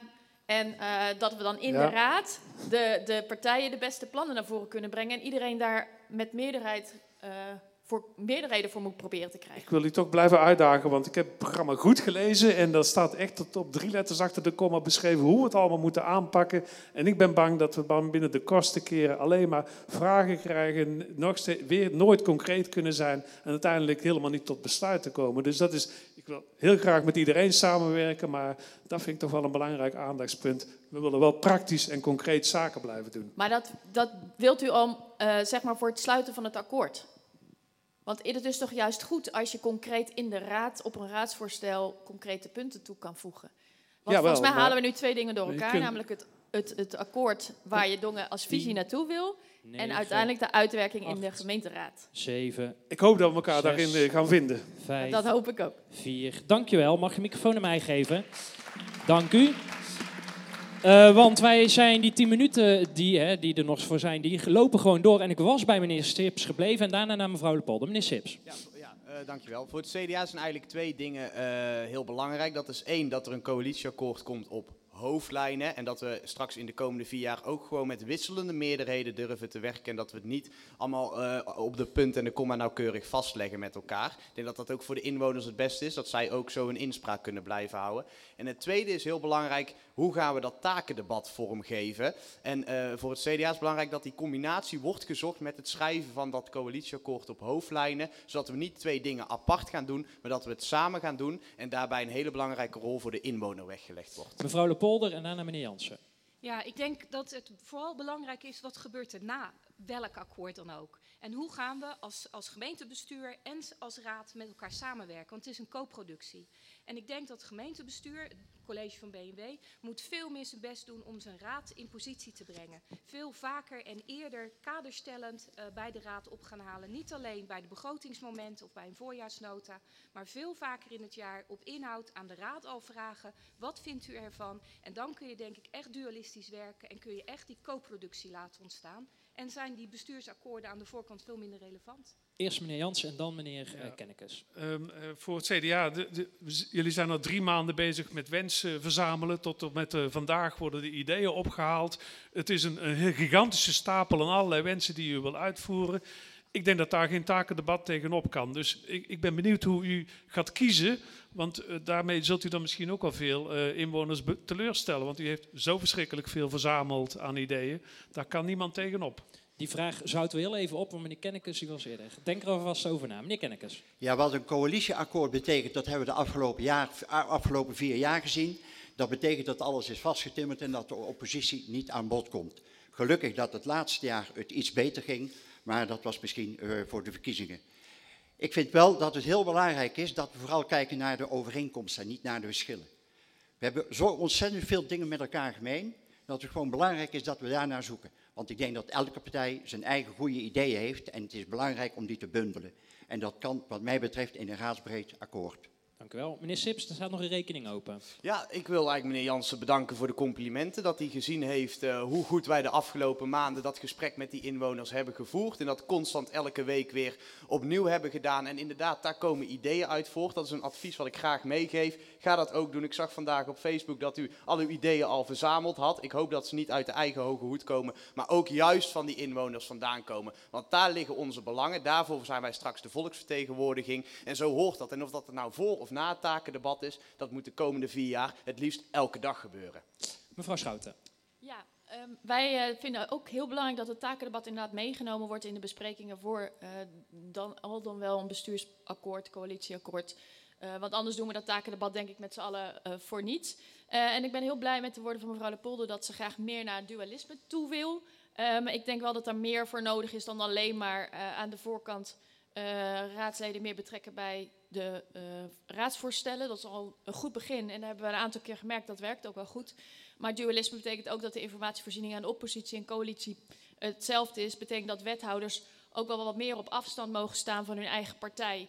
En niet elke week bij een fractievergadering aan uh, hoeven te sluiten, wat ons betreft. Uh, dus ik denk dat we in Dongen echt nog een slag te slaan heb, hebben op dualisme. En ik denk dat de sfeer met z'n allen dan ook ten goede zal komen als we niet zo lijnrecht tegenover elkaar staan. Ja, ik ga eerst naar meneer Jans en dan kijk nou, eens bij Harry of hij nieuw zuurstof erin kan blazen. Ik ja. wel getriggerd, uh, ik zit niet uh, uh, elke week in de fractievergadering mijn fractie te controleren. Wij op cruciale dossiers blijf ik weg bij de fractie en ik denk dat dat voor meerdere wethouders geldt. Dus dat dualisme proberen we echt wel overeind te houden. En daar heb, denk ik dat we daar de afgelopen twee jaar ook aardig in zijn geslaagd. Dat we een andere wijze van benaderen hebben van dossiers. Dus dat wil toch even, even de juiste nuance leggen als het gaat om uh, hoe we als wethouders, hoe ik in ieder geval als wethouder daarin uh, schakel. Ja, het is een klein tikje die uitgedeeld wordt, mevrouw Schouten. Nou, ik ben het helemaal uh, met meneer Jansen eens dat de laatste twee jaar echt veel prettiger was. Uh, maar ik denk nog steeds dat we nog dualistischer met elkaar aan de gang kunnen. Ik ga eens naar Harry. Harry, worden er vanuit de zaal uh, ook nog vragen gestuurd? Jazeker. Um, ik probeer een paar, twee samen te pakken eigenlijk. Uh, Armand Hermans en Barry die stellen eigenlijk de vraag van... Uh, alles wordt neergelegd in het takendebat. Maar hoe zien de politieke partijen hun rol als ze zich zelfs in de verkiezingstijd niet durven uit te spreken? En zo laten ze de kiezer in het ongewisse en daaraan gekoppeld. Uh, wat betekent mijn stem op uw partij? Dus geef, zeg nou eens één concreet punt. Hebben we meer gehoord afgelopen maandag, volgens mij. Um, daar, daar, zitten de mensen hier voor. Van waar moet ik nou op stemmen, op wie? Want er wordt gesproken, geef nou één concreet punt aan. Uh, daar kunnen wij bepalen, hier in de zaal, uh, op wie wij moeten stemmen. Ja, gaan we het rijtje gewoon af, meneer Jansen. Ik heb er vijf genoemd. De belangrijkste vinden wij de verenigingshal en daarnaast wonen voor iedereen in alle kernen. En vooral dit, dat tweede punt, ik denk dat dat, als je dongen breed kijkt, voor iedereen heel belangrijk is. Dat we in alle kernen in staat zijn om woningen te bouwen, om de leefbaarheid overeind te houden. Daar willen we voor gaan. Daar willen we ook kijken van hoe krijgen we dat concreet ingevuld. En dat sluit ook heel goed aan bij de woningbouwbehoefte die er is in Dongen. Ja, mevrouw Schouten. Voor ons is de toekomstige duurzaamheid een ontzettend belangrijk punt. Verder de uh, kwetsbare inwoners, dat iedereen in Dongen gelijke kansen krijgt. En de woningmarkt is denk ik voor ons allemaal uh, heel belangrijk. Dat iedereen ook een passende woning zou moeten kunnen vinden. Meneer Sips, CDA. Ja, ik sluit me daar uh, over dat wonen in grote lijnen aan. Ik zei het net ook al in mijn pitch, we moeten echt gaan bouwen. En ik hoor hier passende invulling, maar ik hoor nergens dat we ook eens snel moeten gaan bouwen. We hebben de afgelopen jaren dat echt laten liggen. Dus daar zal het CDA zich heel hard voor maken uh, om um, alle, alle mogelijkheden die er zijn met twee handen aan te grijpen. Om ook eens te zorgen dat we zo snel mogelijk die eerste stenen gaan wegleggen. Mevrouw Lepolder, VVD ja, wonen begint uh, eentonig te worden. Maar ik denk dat dat voor iedere gemeente waar uh, volgende week verkiezingen zijn uh, geldt. Verder voor de Dongense VVD, wij vinden het belangrijk dat onze gemeentefinanciën op orde komen en blijven. We vinden het belangrijk dat de zorg die mensen nodig hebben, dat ze die krijgen. Maar we moeten daar wel heel uh, zuinig mee omgaan. Niet alleen omdat de middelen beperkt zijn, maar ook omdat dadelijk de capaciteit van de mensen die het moeten doen. Dus we moeten veel slimmer gaan opereren in de zorg om iedereen de zorg te kunnen mm -hmm. geven die nodig is. Ik zie Harry al de grond pakken. Meneer Kennekes als laatste. Ik zal de vraag correct uh, beantwoorden, want u vroeg één concreet punt. En dat concrete punt is dat de, Dong, de gemeente Dongen de nek moet uitsteken. En is met de projectontwikkelaars en dan die uh, voor goedkopere woningen de goedkopere grond ook uit te durven geven. Dankjewel. Ja, voorzichtig applausje mag, mag, mag. Eh, dames en heren, we hebben nog twee pitches te gaan. Mag ik een applaus voor mevrouw Lepolder van de VVD?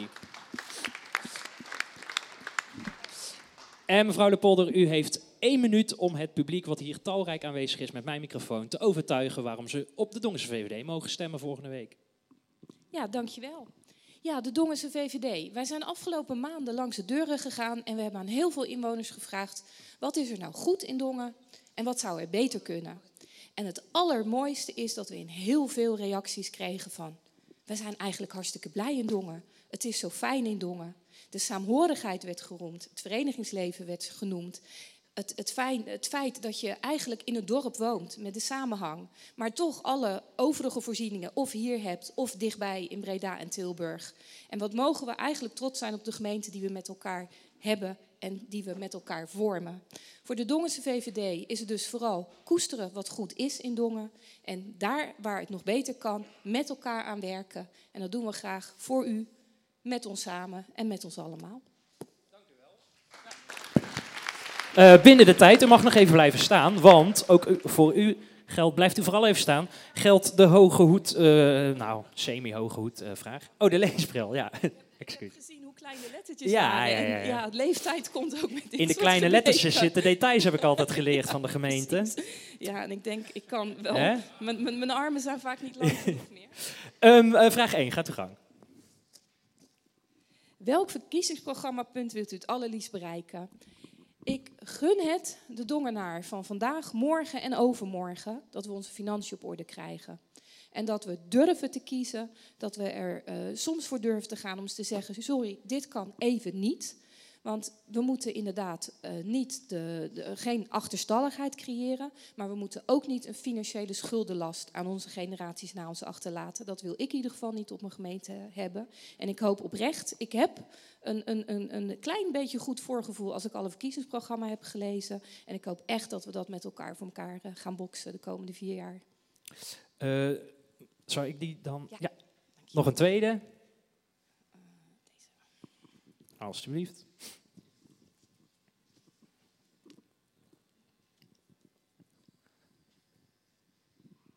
Met welke twee partijen wilt u graag samenwerken? Ja, want u zegt allemaal, ik hoef geen raadsbreed akkoord, hè, want ja, dat is allemaal niet nodig. Ja. Dus nou, kijkt u eens achter u. Ja, dat is een, uh, dat is een hele leuke vraag. Hebben we het uh, Wie van de Drie muziekje nog, Teun? of, uh...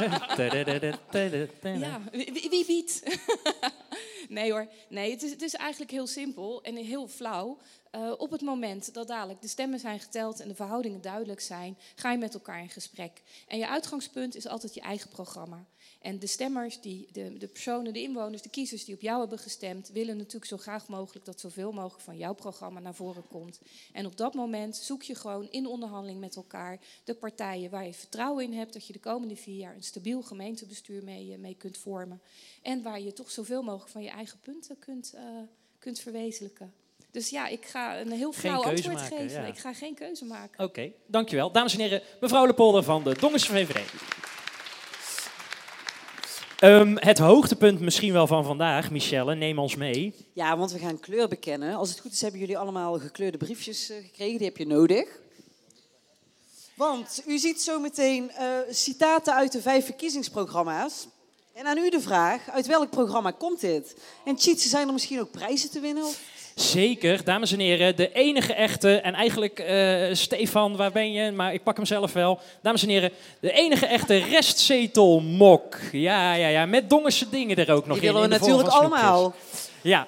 Hey, Cheats denkt het meest handig als iedereen gaat staan, toch? Ja, dames en heren, ja. wat is het geval? U gaat zo meteen na de uitleg staan. U geeft met de verschillende kleuren die u op het scherm ziet, geeft u weer welke partij dit in zijn of haar verkiezingsprogramma heeft staan, of in het verkiezingsprogramma heeft staan. Mocht u het verkeerde antwoord geven, dan gaat u uiteraard zitten, want u doet dan niet meer mee. Ja? Dus dames en heren, gaat u allen staan alstublieft. Als u mee wilt doen, hè. maar wie wil nou niet zo'n mooie restzetelmok?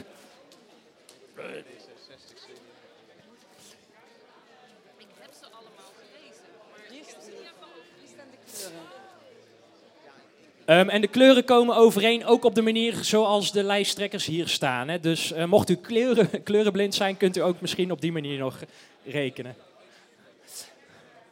Ja, dus het is, ja, moet je even zoeken. Ja, geel en oranje is een beetje, maar ja, als ze niks anders op de loods van de zomerspelen hebben, omdat er bijna geen verenigingshal meer is, dan wordt het lastig natuurlijk. Hè? Eh, dames en heren, we beginnen even gewoon even voor de spek en bonen. Dus we doen eerst even de vijf titels van de programma's. Dus hè, we verwachten ook niet dat er heel veel fouten zijn. Maar laten we gewoon bij de eerste beginnen. Van welk verkiezingsprogramma is deze eh, eh, de mooie slogan? Ouder worden is ieders toekomst. Nou, zie ik allemaal wel de juiste kleur, hè? En dan zien we even met z'n allen, ja, dit is fantastisch voor de beeldvorming, voor de foto's. Eh, blauw, inderdaad, dat is voor de OVD. Nou, dan doen we de tweede, Michelle. Welke is dat? Laat iedereen vrij, maar laat niemand vallen. Oeh, van welke partij zou dat nou weer zijn? Ja, het, ik had geen rekening gehouden met dat de, lichtkleur natuurlijk ook weer eh, er iets van maakt.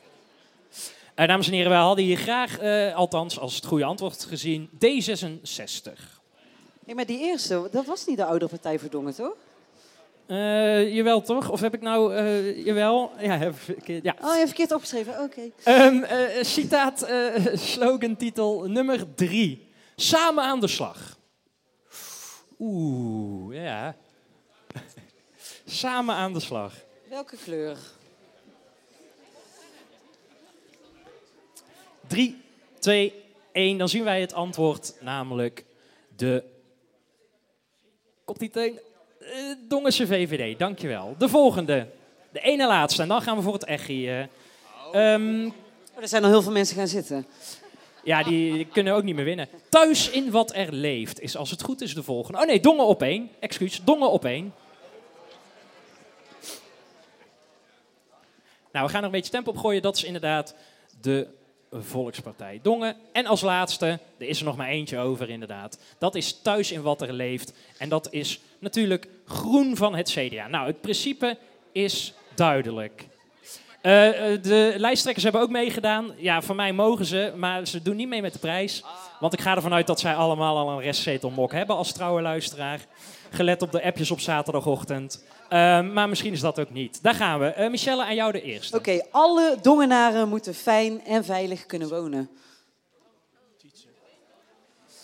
Ja, en er is maar één goed antwoord, zeg ik erbij. Alle Dongenaren moeten fijn en veilig kunnen wonen. 3, 2, 1. En het juiste antwoord is de oudere partij. Ja, dus blauw is blijven staan en de rest mag gaan zitten. Ja. Kijk, dit is een snelle quiz. Even kijken. Bart, doe jij, jij doet gewoon nog mee, hè, toch? Ja. ja. 1, 2, 3, 4, 5. Dan moet je toch... Ja, ja. Gaan wij door naar. Ja, hij staat gewoon op de. Op de, op de hè, als je straks op de verkiezingsmarkt rond hebt. Gaan we door naar stelling 2. Nou, gaat snel zo. Stelling 2. De horeca moet gekoesterd en gefaciliteerd worden als ontmoetingsruimte voor onze inwoners. Oh, er staat er nog geen, had ik nog niet gezien. En daar achterin ook nog, dus we doen er ietsjes meer mee. Jan blijft gewoon meedoen, of meneer Kennekes. Um, ik zie uh, groen en ik zie geel en groen en geel en daar achterin ook nog groen. Wat is het juiste antwoord, Michelle? Uh, oudere Partij voor Dongen. Kijk. Dan ja, hebben we gewoon geen winnaar. Zagen jullie dat? Ik ja, Jan. Wel. Had hij het niet goed? Hij had het niet goed. Nou, wie staat er nog? Ja, helemaal niemand. Alleen Patrick. Nou, dan doen we nog een rondje. Als u nog mee wilt doen, doen we nog een rondje. Als u niet mee wilt doen, als u denkt, nou, ik wil die beker hebben, ga dan staan. Jawel, ja, hoeft niet, mag wel. Hoeft niet, mag wel. We hebben nog genoeg slogans namelijk. Blijf vooral lekker zitten als je niet mee wilt doen. Maar we gaan er een beetje tempo op gooien. Daar gaan we. Oké, verenigingen en vrijwilligers zijn de kurk waar de Dongse samenleving op drijft. Welke partij zou dat in het verkiezingsprogramma hebben geschreven? En er gaan heel veel gele briefjes omhoog. We gaan even kijken of dat het goede antwoord is. En dat is correct. Michelle, de volgende. De volgende. Een ondernemershuis met een ondernemersloket. Welke partij is hiervoor? Kijk, oranje zie ik omhoog. Kijk, ik zie wat meer verschillende kleuren. Groen ook inderdaad en oranje. Goede nou. antwoord is...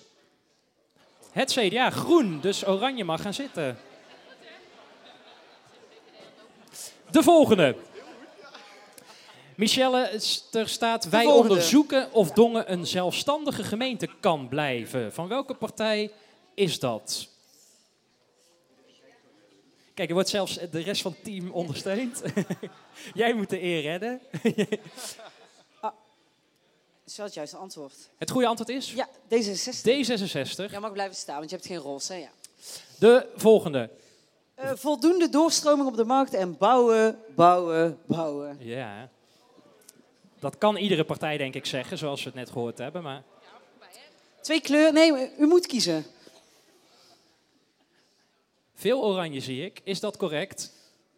Dat is het juiste antwoord. Volgende. De volgende eh, is een duurzaam dongen maken we samen. Ja, Dat is roze, hè? verschillende eh roze. De, ook en groene zie ik hier nog. Het goede antwoord is, Michelle, D66. D66. roze inderdaad. Er gaan er weer twee zitten. Oké, deze vinden jullie heel leuk. Gratis wifi in het centrum van Dongen. Welke partij wil dit? Nou, welke partij? En de meesten hebben hem goed, want het is inderdaad het CDA. We moeten ze ietsjes moeilijker maken. Ik hoop dat dat de volgende is. Komt-ie. De volgende is, Teun, dankjewel. Blijven werken aan vermindering van de regeldruk. Dat wil iedere partij, denk ik hoor. Maar welke partij heeft het in het verkiezingsprogramma opgenomen? Hier gaan de slachtoffers. Ja, want ik besmet zie heel veel verschillende kleuren. Ja. Ik zie blauw, ik zie oranje en ik zie geel. Na deze vraag komen de mensen die nog over zijn naar voren voor de benaderingsvraag. Yes. Daar gaan we. 3, 2, 1. Geel is het goede antwoord. Die mensen mogen nog naar kunnen veel voren mensen komen. gaan zitten, hè? Ja. En die komen naar voren en dan komt Stefan. En ja, Steve, applausje voor Steve, jawel. De, de wiel aan de wagen. Maar je hebt er aan. Er zijn drie mensen hierover. Wij skippen even door naar de benaderingsvraag. Pap, pap, pap, komt-ie. Ze krijgen natuurlijk een eh, pen en een papiertje, want anders gaat meneer X eerst zeggen, ik denk drie. En dan denkt de ander, nou, ik denk vier. En, eh, vijf. Ik Heb je weer zes. goed over nagedacht? Komt-ie. Het antwoord mag ook aan Harry gegeven worden. In papiervorm uiteraard. Hoeveel geldige stemmen werden tijdens de gemeenteraadsverkiezingen van 2018 in de gemeente Dongen uitgebracht? Succes.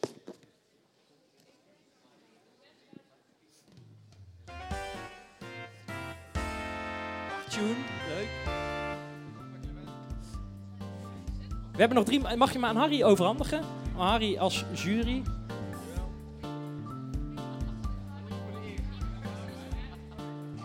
Blijf maar even staan, want ik weet niet wel... eh, hoeveel is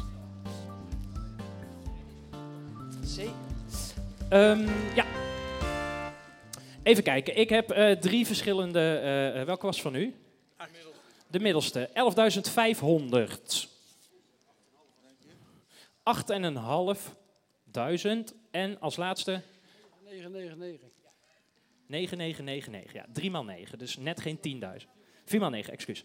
Het goede antwoord is, dames en heren, en wij hopen, en daarom bestaat de restzetel, dat dit aantal wat we nu noemen over eh, minimaal ja, zeven dagen, dat dat vele malen hoger is. Dus nu al bedankt voor jullie komst. Het goede antwoord is dat er in 2018 10.399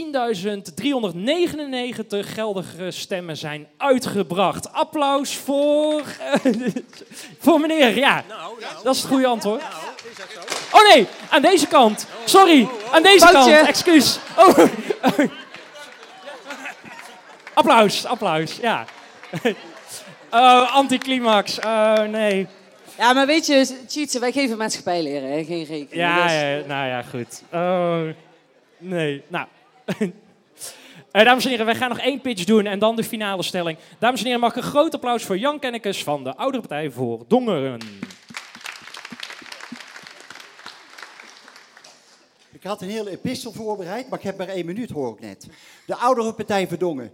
Wel, Ons motto is, ouder worden is ieders toekomst. En dat is ook zo. Ook de jongeren hier in de zaal, ook jullie zullen straks ouder worden. En wij van de oudere partij Verdongen willen nu in de raad, wij willen nu in de raad om de toekomst voor jullie bestendig te maken. En daarom vinden wij ook dat je op ons moet stemmen.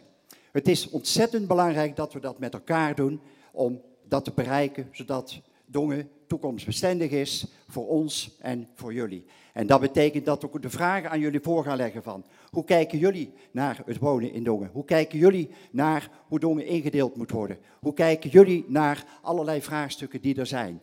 Samen met ons en samen met de jongeren en samen met alle bewoners van Dongen willen wij zorgen dat er straks voor, voor, voor jullie Dongen ook nog net zo mooi is als nu. Dankjewel. Eh dankjewel, meneer Kennekes. Blijf even staan, want eh, die microfoon mag nog bij u. Ik ben nog helemaal ondaan van, eh, van mijn faux twee vragen voor u.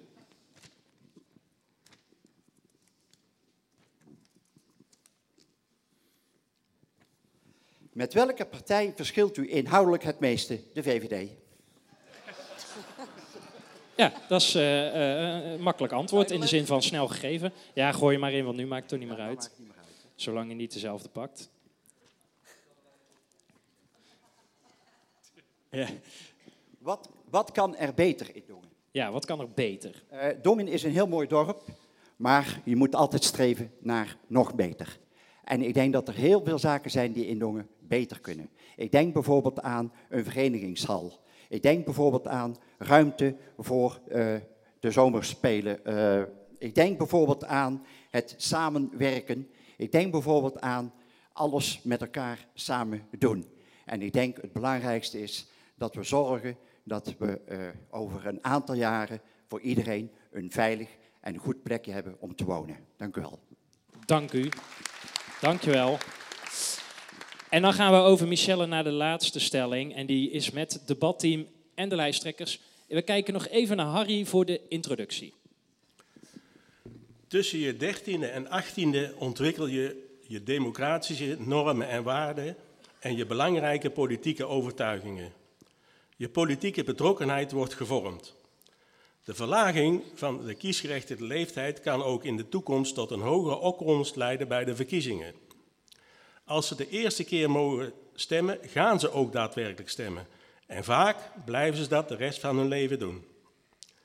Bij de gemeenteraadsverkiezingen komen veel onderwerpen voorbij die juist voor jongeren relevant zijn. Jeugdzorg, sport, verenigingsleven, uitgaan. Tegenstanders zeggen dat hun puberbrein hun te veel impulsief zouden maken. In Oostenrijk mogen 16 en 17-jarigen al stemmen sinds 2007. Hun stemmotivatie blijkt niet af te wijken van die van de oudere stemmers. Jongeren steunen eerder nieuwe partijen omdat ze meer openstaan voor nieuwe partijen. Kortom, reden genoeg om hier eens met elkaar van gedachten te wisselen. Ik ben benieuwd, zeker ook voor onze toekomstige kiezers. Dankjewel, Harry. Mogen jullie ook best een applaus voor geven? Oké, de stelling luidt als volgt. Dongense jongeren moeten vanaf hun zestiende kunnen stemmen bij gemeenteraadsverkiezingen. Ik kijk even naar onze lijsttrekkers. Tegen, tegen, eh, sorry, voor, voor, tegen, tegen. Ehm, oh, sorry, toch groen. Alleen meneer Sips is tegen, sorry. Eh, je gelooft het niet, maar onze leerlingen zijn ook tegen. En ik laat Sweda beginnen. Nou, de verkiezingen, die staan weer op onze agenda's. En als je mij heel eerlijk zou vragen, zou ik geen idee hebben of het nou 12 maart was of 15 maart. Ik zou helemaal niet weten of ik nou links, rechts, midden, wat ik allemaal zou moeten gaan stemmen. Ik ben toch te druk om mij met dergelijke dingen bezig te houden. Ik krijg gewoon allemaal prikkels. Net tegenover de school staat een mooi poster van meneer Sips van eh, stem op de CDA. Nou, ik ken hem, dus eh, ik ga op hem stemmen. Maar eerlijk gezegd, ik weet helemaal niet waar zijn partij voor staat. Ik weet daar echt helemaal niks van. En ik zou helemaal niks weten waar de andere partijen het ook over zouden moeten hebben. Ik denk, ik, het is helemaal niet erg om nog twee jaar te wachten, zodat ik even kan kijken van, oké, dit is goed en dit, hier zou ik echt op moeten gaan stemmen. Dankjewel, Sweda. Meneer Kennekes, u was eerst. En daarmee blijkt weer hoe belangrijk het onderwijs in dit onderdeel is. Want ik denk dat het op scholen heel belangrijk is om veel aandacht te besteden aan politiek. En ja, als dat op het Cambreur niet wordt gedaan, dan krijg je deze problematiek. Ik ga heel even kijken. Esther, reageer daar eens op. Nou, een beetje een andere visie is dat ik ook van Stijn Sips, ik woon in de Hoge Akker, dus ik heb een flyertje gekregen. En wat zie ik daarop? Daarop staat een busverbinding tussen Rijen en Dongen. Nou, voor mij helemaal super. Ik heb geen zin in die 30 minuten fietsen. Maar hier start ook het probleem. Wij pubers, vooral 16, 17-jarigen, zijn vooral heel individueel gericht. En ook wetenschappelijk is bewezen dat wij voor directe beloning zullen gaan. Wat betekent dat wij eerder voor korte termijn zullen stemmen dan voor lange termijn. Dus inderdaad, voor een bus dan voor lange termijn woningen. En hier gaat het fout. En daarom kan je beter wachten totdat wij 18 zijn en het collectieve doel kunnen zien. Mevrouw Schouten. Uit, uit onderzoek is gebleken dat eh, er eigenlijk geen verschillen zijn tussen eh 16-jarigen die heel goed kunnen eh, uitzoeken waarom zij nu op een bepaalde partij stemmen en mensen die ouder zijn. Eh, dus de vraag is of de ouderen misschien dan eh, op dezelfde manier een keuze bepalen. En daar lijkt het wel heel sterk op. En verder zijn er op dit moment heel veel onderwerpen die van belang zijn, juist voor de toekomst. eh, waarbij de jeugd hun, veel meer hun stem zou mogen horen. We gaan steeds meer vergrijzen. En het zou zonde zijn als juist de oudere mensen gaan bepalen hoe de toekomst van de jeugd eruit ziet. Dus lijkt me een goede reden. Dankjewel. Anouk. Ja, jongens, 16 maart zijn de gemeenteraadsverkiezingen, maar 12 maart, dan ben ik jarig. Woehoe. En ik word 18. Eindelijk kan mijn fake ID aan de wilgen. Maar ik ga ook belasting moeten betalen. Als ik wil mag ik met mijn vriendje trouwen. En eh, ik heb ook mijn zorgpremie uit moeten zoeken. Versus twee jaar geleden, mijn grootste zorgen waren een wiskundetoets. Ik ga nu de echte wereld pas instappen. En daarbij hoort dat stemmen. Niet die twee jaar terug. En ik had dan ook echt geen flauw idee gehad. Nu ga ik de echte wereld in. Nu wil ik stemmen. Hou dat lekker zo. Meneer Sips. Ja, en eh, Anouk is niet de enige. Hè. Eh, afgelopen week is er een onderzoek van INO Research eh, eh, uitgekomen. Waaruit gewoon blijkt dat als je aan de 16 en 17-jarigen vraagt wie wil er gaan stemmen, dan komt er maar 20 op, tot 30 procent opdagen. Ga je vragen aan diezelfde jongeren, willen jullie dat het stemmen verlaagd wordt? Dan zegt meer dan de helft, nee, dat willen wij niet. Daar hebben wij geen behoefte aan. Volgens mij is het dan heel simpel en moeten we daar gewoon naar luisteren. Die jongeren hebben daar geen behoefte aan. Die willen dat niet. Die zien daar zelf, hè, dat horen we hier ook van de jongeren die hier zijn, dat ze dat niet willen. Wat juist veel krachtiger is, is om die jongeren bij het politieke proces te, bes- eh, te betrekken constant. Denk bijvoorbeeld aan een adviesraad van jongeren, wat je in andere gemeentes wel ziet, waarin je ze eh, kan laten plaatsnemen. En dan gaan ze niet één keer in de vier jaar een rood bolletje inkleuren, maar dan zijn ze er elke week mee bezig. Daar leren ze volgens mij meer van. Mevrouw Lepolder. Ja, ik eh, ga niet over tot allerlei eh, ingewikkelde onderzoeken. Ik blijf gewoon even bij mij thuis. Mijn oudste dochter is inmiddels of bijna 21, staat dit jaar weer op de lijst, vier jaar geleden ook. En je kon haar niet bozer krijgen dan dat er besluiten werden genomen over jongeren door mensen die in generaties van haar afstaan. En ze zei, verdorie, ik moet er nog jarenlang onder leven en tegen de tijd dat het allemaal uitgewerkt wordt, doen jullie er niet meer toe. Dus ik vind, we hebben in Nederland geen stemplicht, maar een stemrecht. En ik vind dat zeker op dit soort onderwerpen de jongeren die het willen, heel goed in staat zijn om goede keuzes te maken. En dat recht moet je ze geven. Of ze er gebruik van maken, kunnen ze ook prima zelf bepalen. Nog eh, als reactie op mevrouw Schouten. Zoals u zei, de 16, 17 en 18-jarigen die stemmen redelijk op dezelfde manier. Dan vinden wij, die hier zitten, de jongeren, dat de 18-jarigen ook ons gewoon onze stem kunnen vertegenwoordigen in de politiek. Zij kunnen ook gewoon sleutelposities aannemen in onze plek. Meneer Jansen. Nou, ik wil juist de verbinding maken met, eh, met jullie, eh, want jullie dagen ons eh, uit hier ook op een hele goede manier. Dus ik eh, zou zeggen, doe dat ook vooral. voor mij is het niet, leeftijdsgebonden. En als het eerder eh, kan en het triggert door juist te moeten gaan stemmen, hè, dat je kan gaan stemmen, dat je daarmee ook in feite ook je democratische eh, ideeën eh, verrijkt en ons uitdaagt om eh, ook op de korte termijn te kijken wat hoe je het kunt invullen. Ik denk dat de gemiddelde dongenaar ook gewoon op de korte termijn kijkt wat hij zou willen bereiken. Dat jullie daar ons enorm bij kunnen helpen.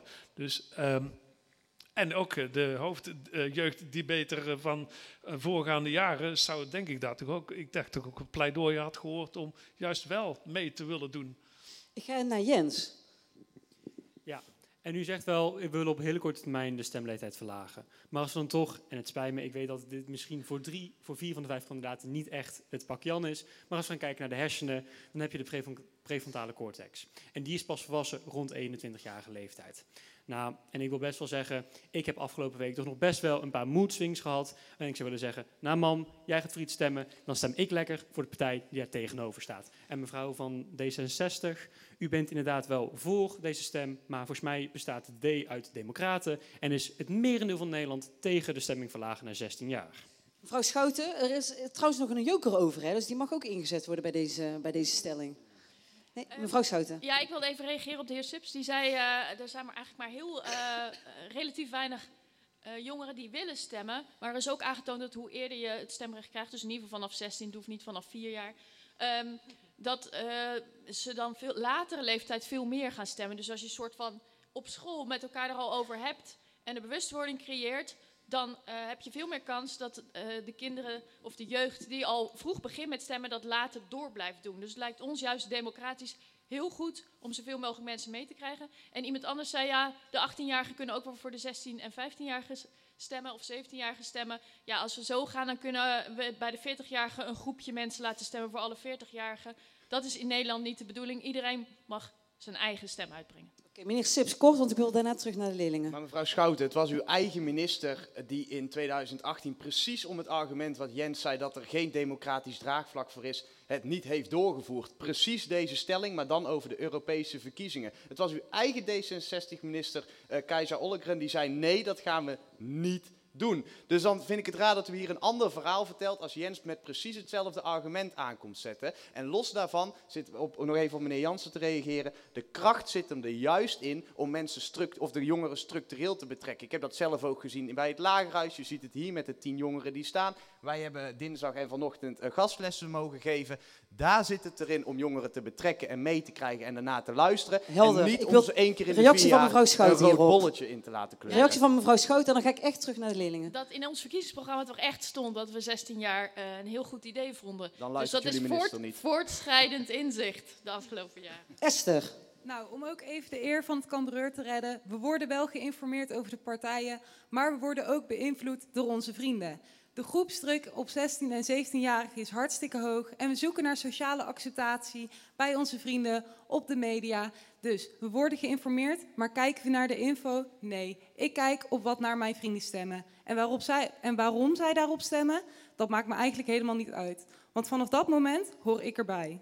Vicky, je mag nog even aanvullen. Dankjewel. Nou, ik vroeg aan, want eh, met respect, maar ik ben het met veel van jullie oneens. Ik vroeg aan mijn klasgenoten van, zouden jullie willen stemmen als jullie nu de kans zouden krijgen? En zij allemaal direct nee, want ik weet simpelweg gewoon niet genoeg over politiek om een goede stem eh, uit te brengen. Dus mijn vraag is aan jullie, waarom zouden we de complete grondwet moeten verbouwen voor die 2% die niet eens weet wat ze eigenlijk willen? Eh, meneer Jansen. Ja, het- jullie beginnen toch met debattrainingen jonger dan 18 jaar op school. Dus dan, hebben jullie toch, eh, dan beginnen jullie toch ook na te denken over het politieke proces. Waarom zou je dan niet eerder kunnen stemmen dan 18 jaar? Ik wil juist de uitgereikte hand eh, bieden om eh, dat jullie juist... Oeh, oeh. Zet, zijn in. bang. Hodgen, reageer daarop. Ja, meneer Jansen, we zijn hier met heel veel leerlingen hier op het Kambreur. En kijk eens naar ons teampje. Maar tien mensen. Moeten we nou voor ons tien, moeten we nou echt zoveel veranderen om de stemrecht naar 16 te verlagen? En ik zie ook een hele mooie poster, poster achter u, weet waarop je stemt. Toen moest ik aan een paar dagen terug aan mijn zusjes en aan vriendinnen. We waren hier aan het rondlopen en we zagen een hele mooie poster van het CDA. En we waren daarover te praten, oh, op wie zou jij eigenlijk stemmen? En dan zeiden, ze, dan zeiden de vriendinnen van mijn zusje, nou, die heeft zo'n knappe kop, daar zou ik zeker wel op stemmen. Meneer Sips. Heeft ze goede smaak, hè? 9, 8, 7, Ja, 6, ja, om over, 5, op meneer Jansen te reageren. de uitgestoken hand. twee, Luister eens naar, naar wat de jongeren zeggen, wat Dankjewel. het onderzoek zegt. En dat is de uitgestoken hand. Harry, zijn er eigenlijk vragen bij deze stelling binnengekomen?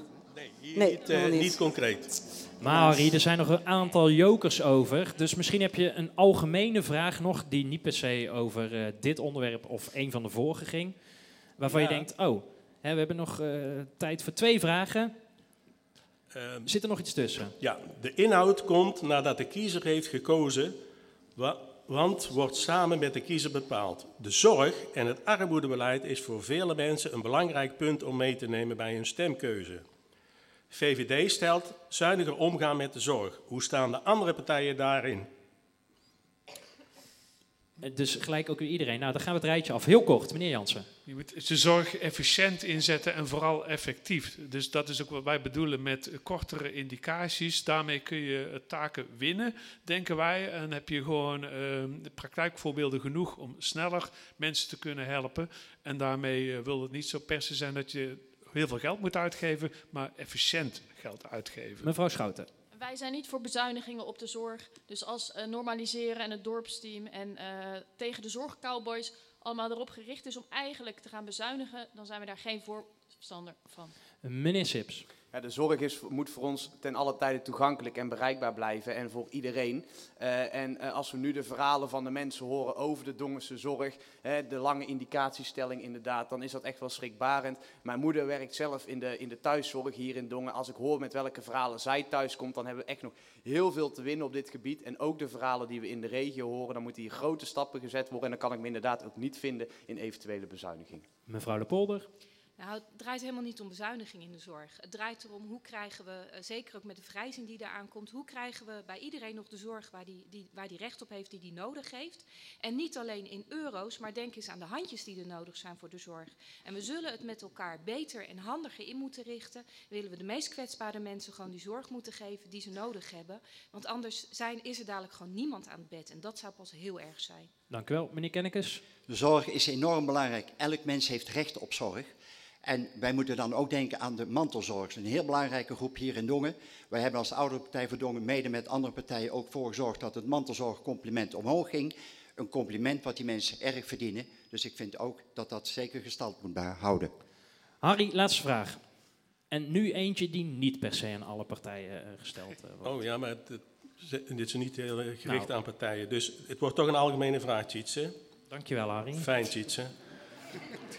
Ga je gang, Harry.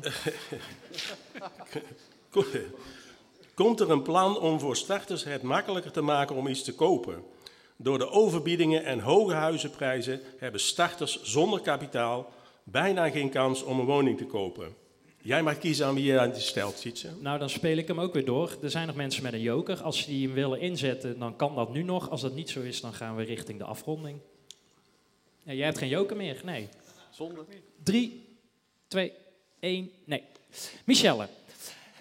Eh, we, hebben, we bouwen langzaam op en we gaan nu eigenlijk naar het hoogtepunt van de avond. Dames en heren, op uw briefje heeft u het een en ander gezien. En op het briefje staat een QR-code. En als u kijkt naar het scherm, ziet u straks het volgende. Want de vijf lijsttrekkers hebben laten zien en vooral laten horen wat ze kunnen en wat ze denken. En het is aan u, het is een publieksprijs om te bepalen ehm, wie ehm, volgens u vanavond het beste gedaan heeft. De code die op uw kaartje staat is een andere als die op hier eh, staat. Wat is enige verandering. Dit op het scherm is de juiste code. Dus u kan op twee manieren straks uw stem laten bepalen. Door gewoon de QR-code te scannen. En eh, eh, mocht dat niet lukken, kunt u altijd op de telefoon, als u überhaupt mee wilt doen, naar menti.com gaan en de code 1290667 doen. Hij is nog niet open als ik ingefluisterd. Is hij al open? Oké, dat is heel fijn. Dan heeft u nu de tijd om te gaan stemmen. En dan zullen we, Michel, ik ben heel benieuwd eh, wie van de vijf Ik ben ook eh, heel benieuwd. het Oh, beste gedaan heeft. Het, het beeld is weg. Dus Ja, vragen naar de code. Oh, de code was nogmaals 1290667. Ik herhaal 1290667. Ja, en de QR-code kunt u nog steeds scannen met uw telefoon. En het ligt een beetje aan wat voor telefoon u heeft, want bij Is een dat iPhone dezelfde QR-code als... eh, Ja, als het goed is moet dat kloppen. als het goed is moet dat kloppen. En langzaam zien we al iets in beeld. Maar de resultaten is er nog steeds niet. Voor de mensen die nog niet gestemd hebben, nogmaals www.menti.com. En dan is de code die u in mag vullen 1290667.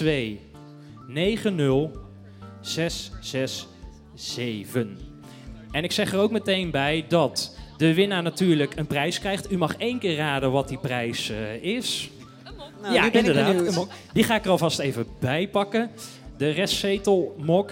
En het is natuurlijk ook zo dat de winnaar, hè, u staat hier nu heel mooi voor het beeld en voor de foto's. Maar als u de winnaar bent, mag je natuurlijk naar voren komen om de prijs die Michelle zal gaan uitdelen in ontvangst te nemen. Ik kijk even met een schuin oog naar links.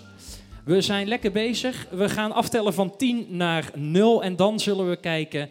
Hè, dan drukt Teun op de letter H en dan zullen de resultaten naar boven gaan komen. 10, Spannend. 9, 8, 7, 6, 5, 4, nee, 3, 2, 1. Dames en heren, met 56% is de heer Sips van het CDA de winnaar. U mag naar voren komen. Kijk, en de confetti komt naar beneden. Dat zijn mooie cijfers. Zeer zeker. Wellicht eh, ehm, ehm, wilt u ook nog gebruik maken van een klein dankwoordje aan de mensen die op u gestemd hebben. Gaat uw gang. Eh, ja, dankjewel allemaal. Eh, ik weet niet waar ik moet beginnen. Ik hoop dat dit een kleine voorbereiding is op, op wat we volgende week gaan meemaken. En in ieder geval bedankt voor uw aanwezigheid. Een mooi begin. En nodig ook iedereen in uw omgeving uit om te gaan stemmen. Want het is inderdaad voor ons allemaal een belangrijke opdracht om dat stem, eh, eh, om die opkomst omhoog te, te krikken. Eh, en, en dat moeten we met z'n allen doen. Dus dat is een, een mooi begin. En eh, ja, dan rest mij nog te zeggen dat ik in ieder geval lekker slaap na de complimenten van mijn knappe kop. Dus dan. eh, Dankjewel. Dames en heren, Stijn Sips, de winnaar van dit verkiezingsdebat. Dankjewel. Eh wij gaan afronden en dat doen we met enkele mededelingen. Michelle, aan jou als eerste. Ja, jullie zien daar de verkiezingsmarkt. Dus mocht je nog vragen hebben, de partijen die zijn gewoon nog aanwezig. eh, eh, Tot een uurtje of tien. Ja, tot een uur of tien. Ehm, en Mocht ook- u... Ja, Ik wou zeggen, neem ook vooral een restzetelposter mee. Hè? ja, die liggen hier aan die kant en hang hem aan eh, overal waar u wil. Hè. Dus daar aan die kant, ze zijn er nog voldoende. Neem de restzetelposter mee. Michelle, wij hebben dit natuurlijk niet met z'n tweeën gedaan. Dus wij moeten enkele mensen gaan bedanken. Eh, aan jou eh, de gelegenheid en de eer om de eerste mensen Ja, te wij bedanken. willen bedanken de schoolband.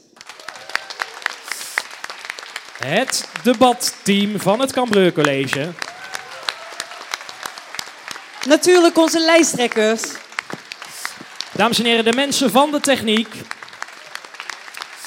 Maar Ja, bovenal, oh ja, en we moeten nog, ik heb nog zelfs cadeautjes. Want, dit zou eigenlijk ook Steve doen, maar die staat op de tweede verdieping confetti naar beneden te gooien. Eh, de lijsttrekkers krijgen een, een klein eh, presentje. Ik help jou. Als jij deze twee nou aan het debatteam geeft, want het is een soort naslagwerk, het gaat over de gemeente. Dank voor uw komst, meneer Kennekes. Dank voor uw komst, mevrouw Lepolder. Dank voor uw komst, meneer Sips. Dank voor uw komst, mevrouw Schouten. En als laatste, alsjeblieft, hebben we er nog eentje over? Eh, aan de eerste man hier vooraan, alsjeblieft. Gefeliciteerd. Eh, dames en heren, wij sluiten af. Dank voor uw aandacht en hopelijk tot snel, maar ga vooral stemmen. Dankjewel.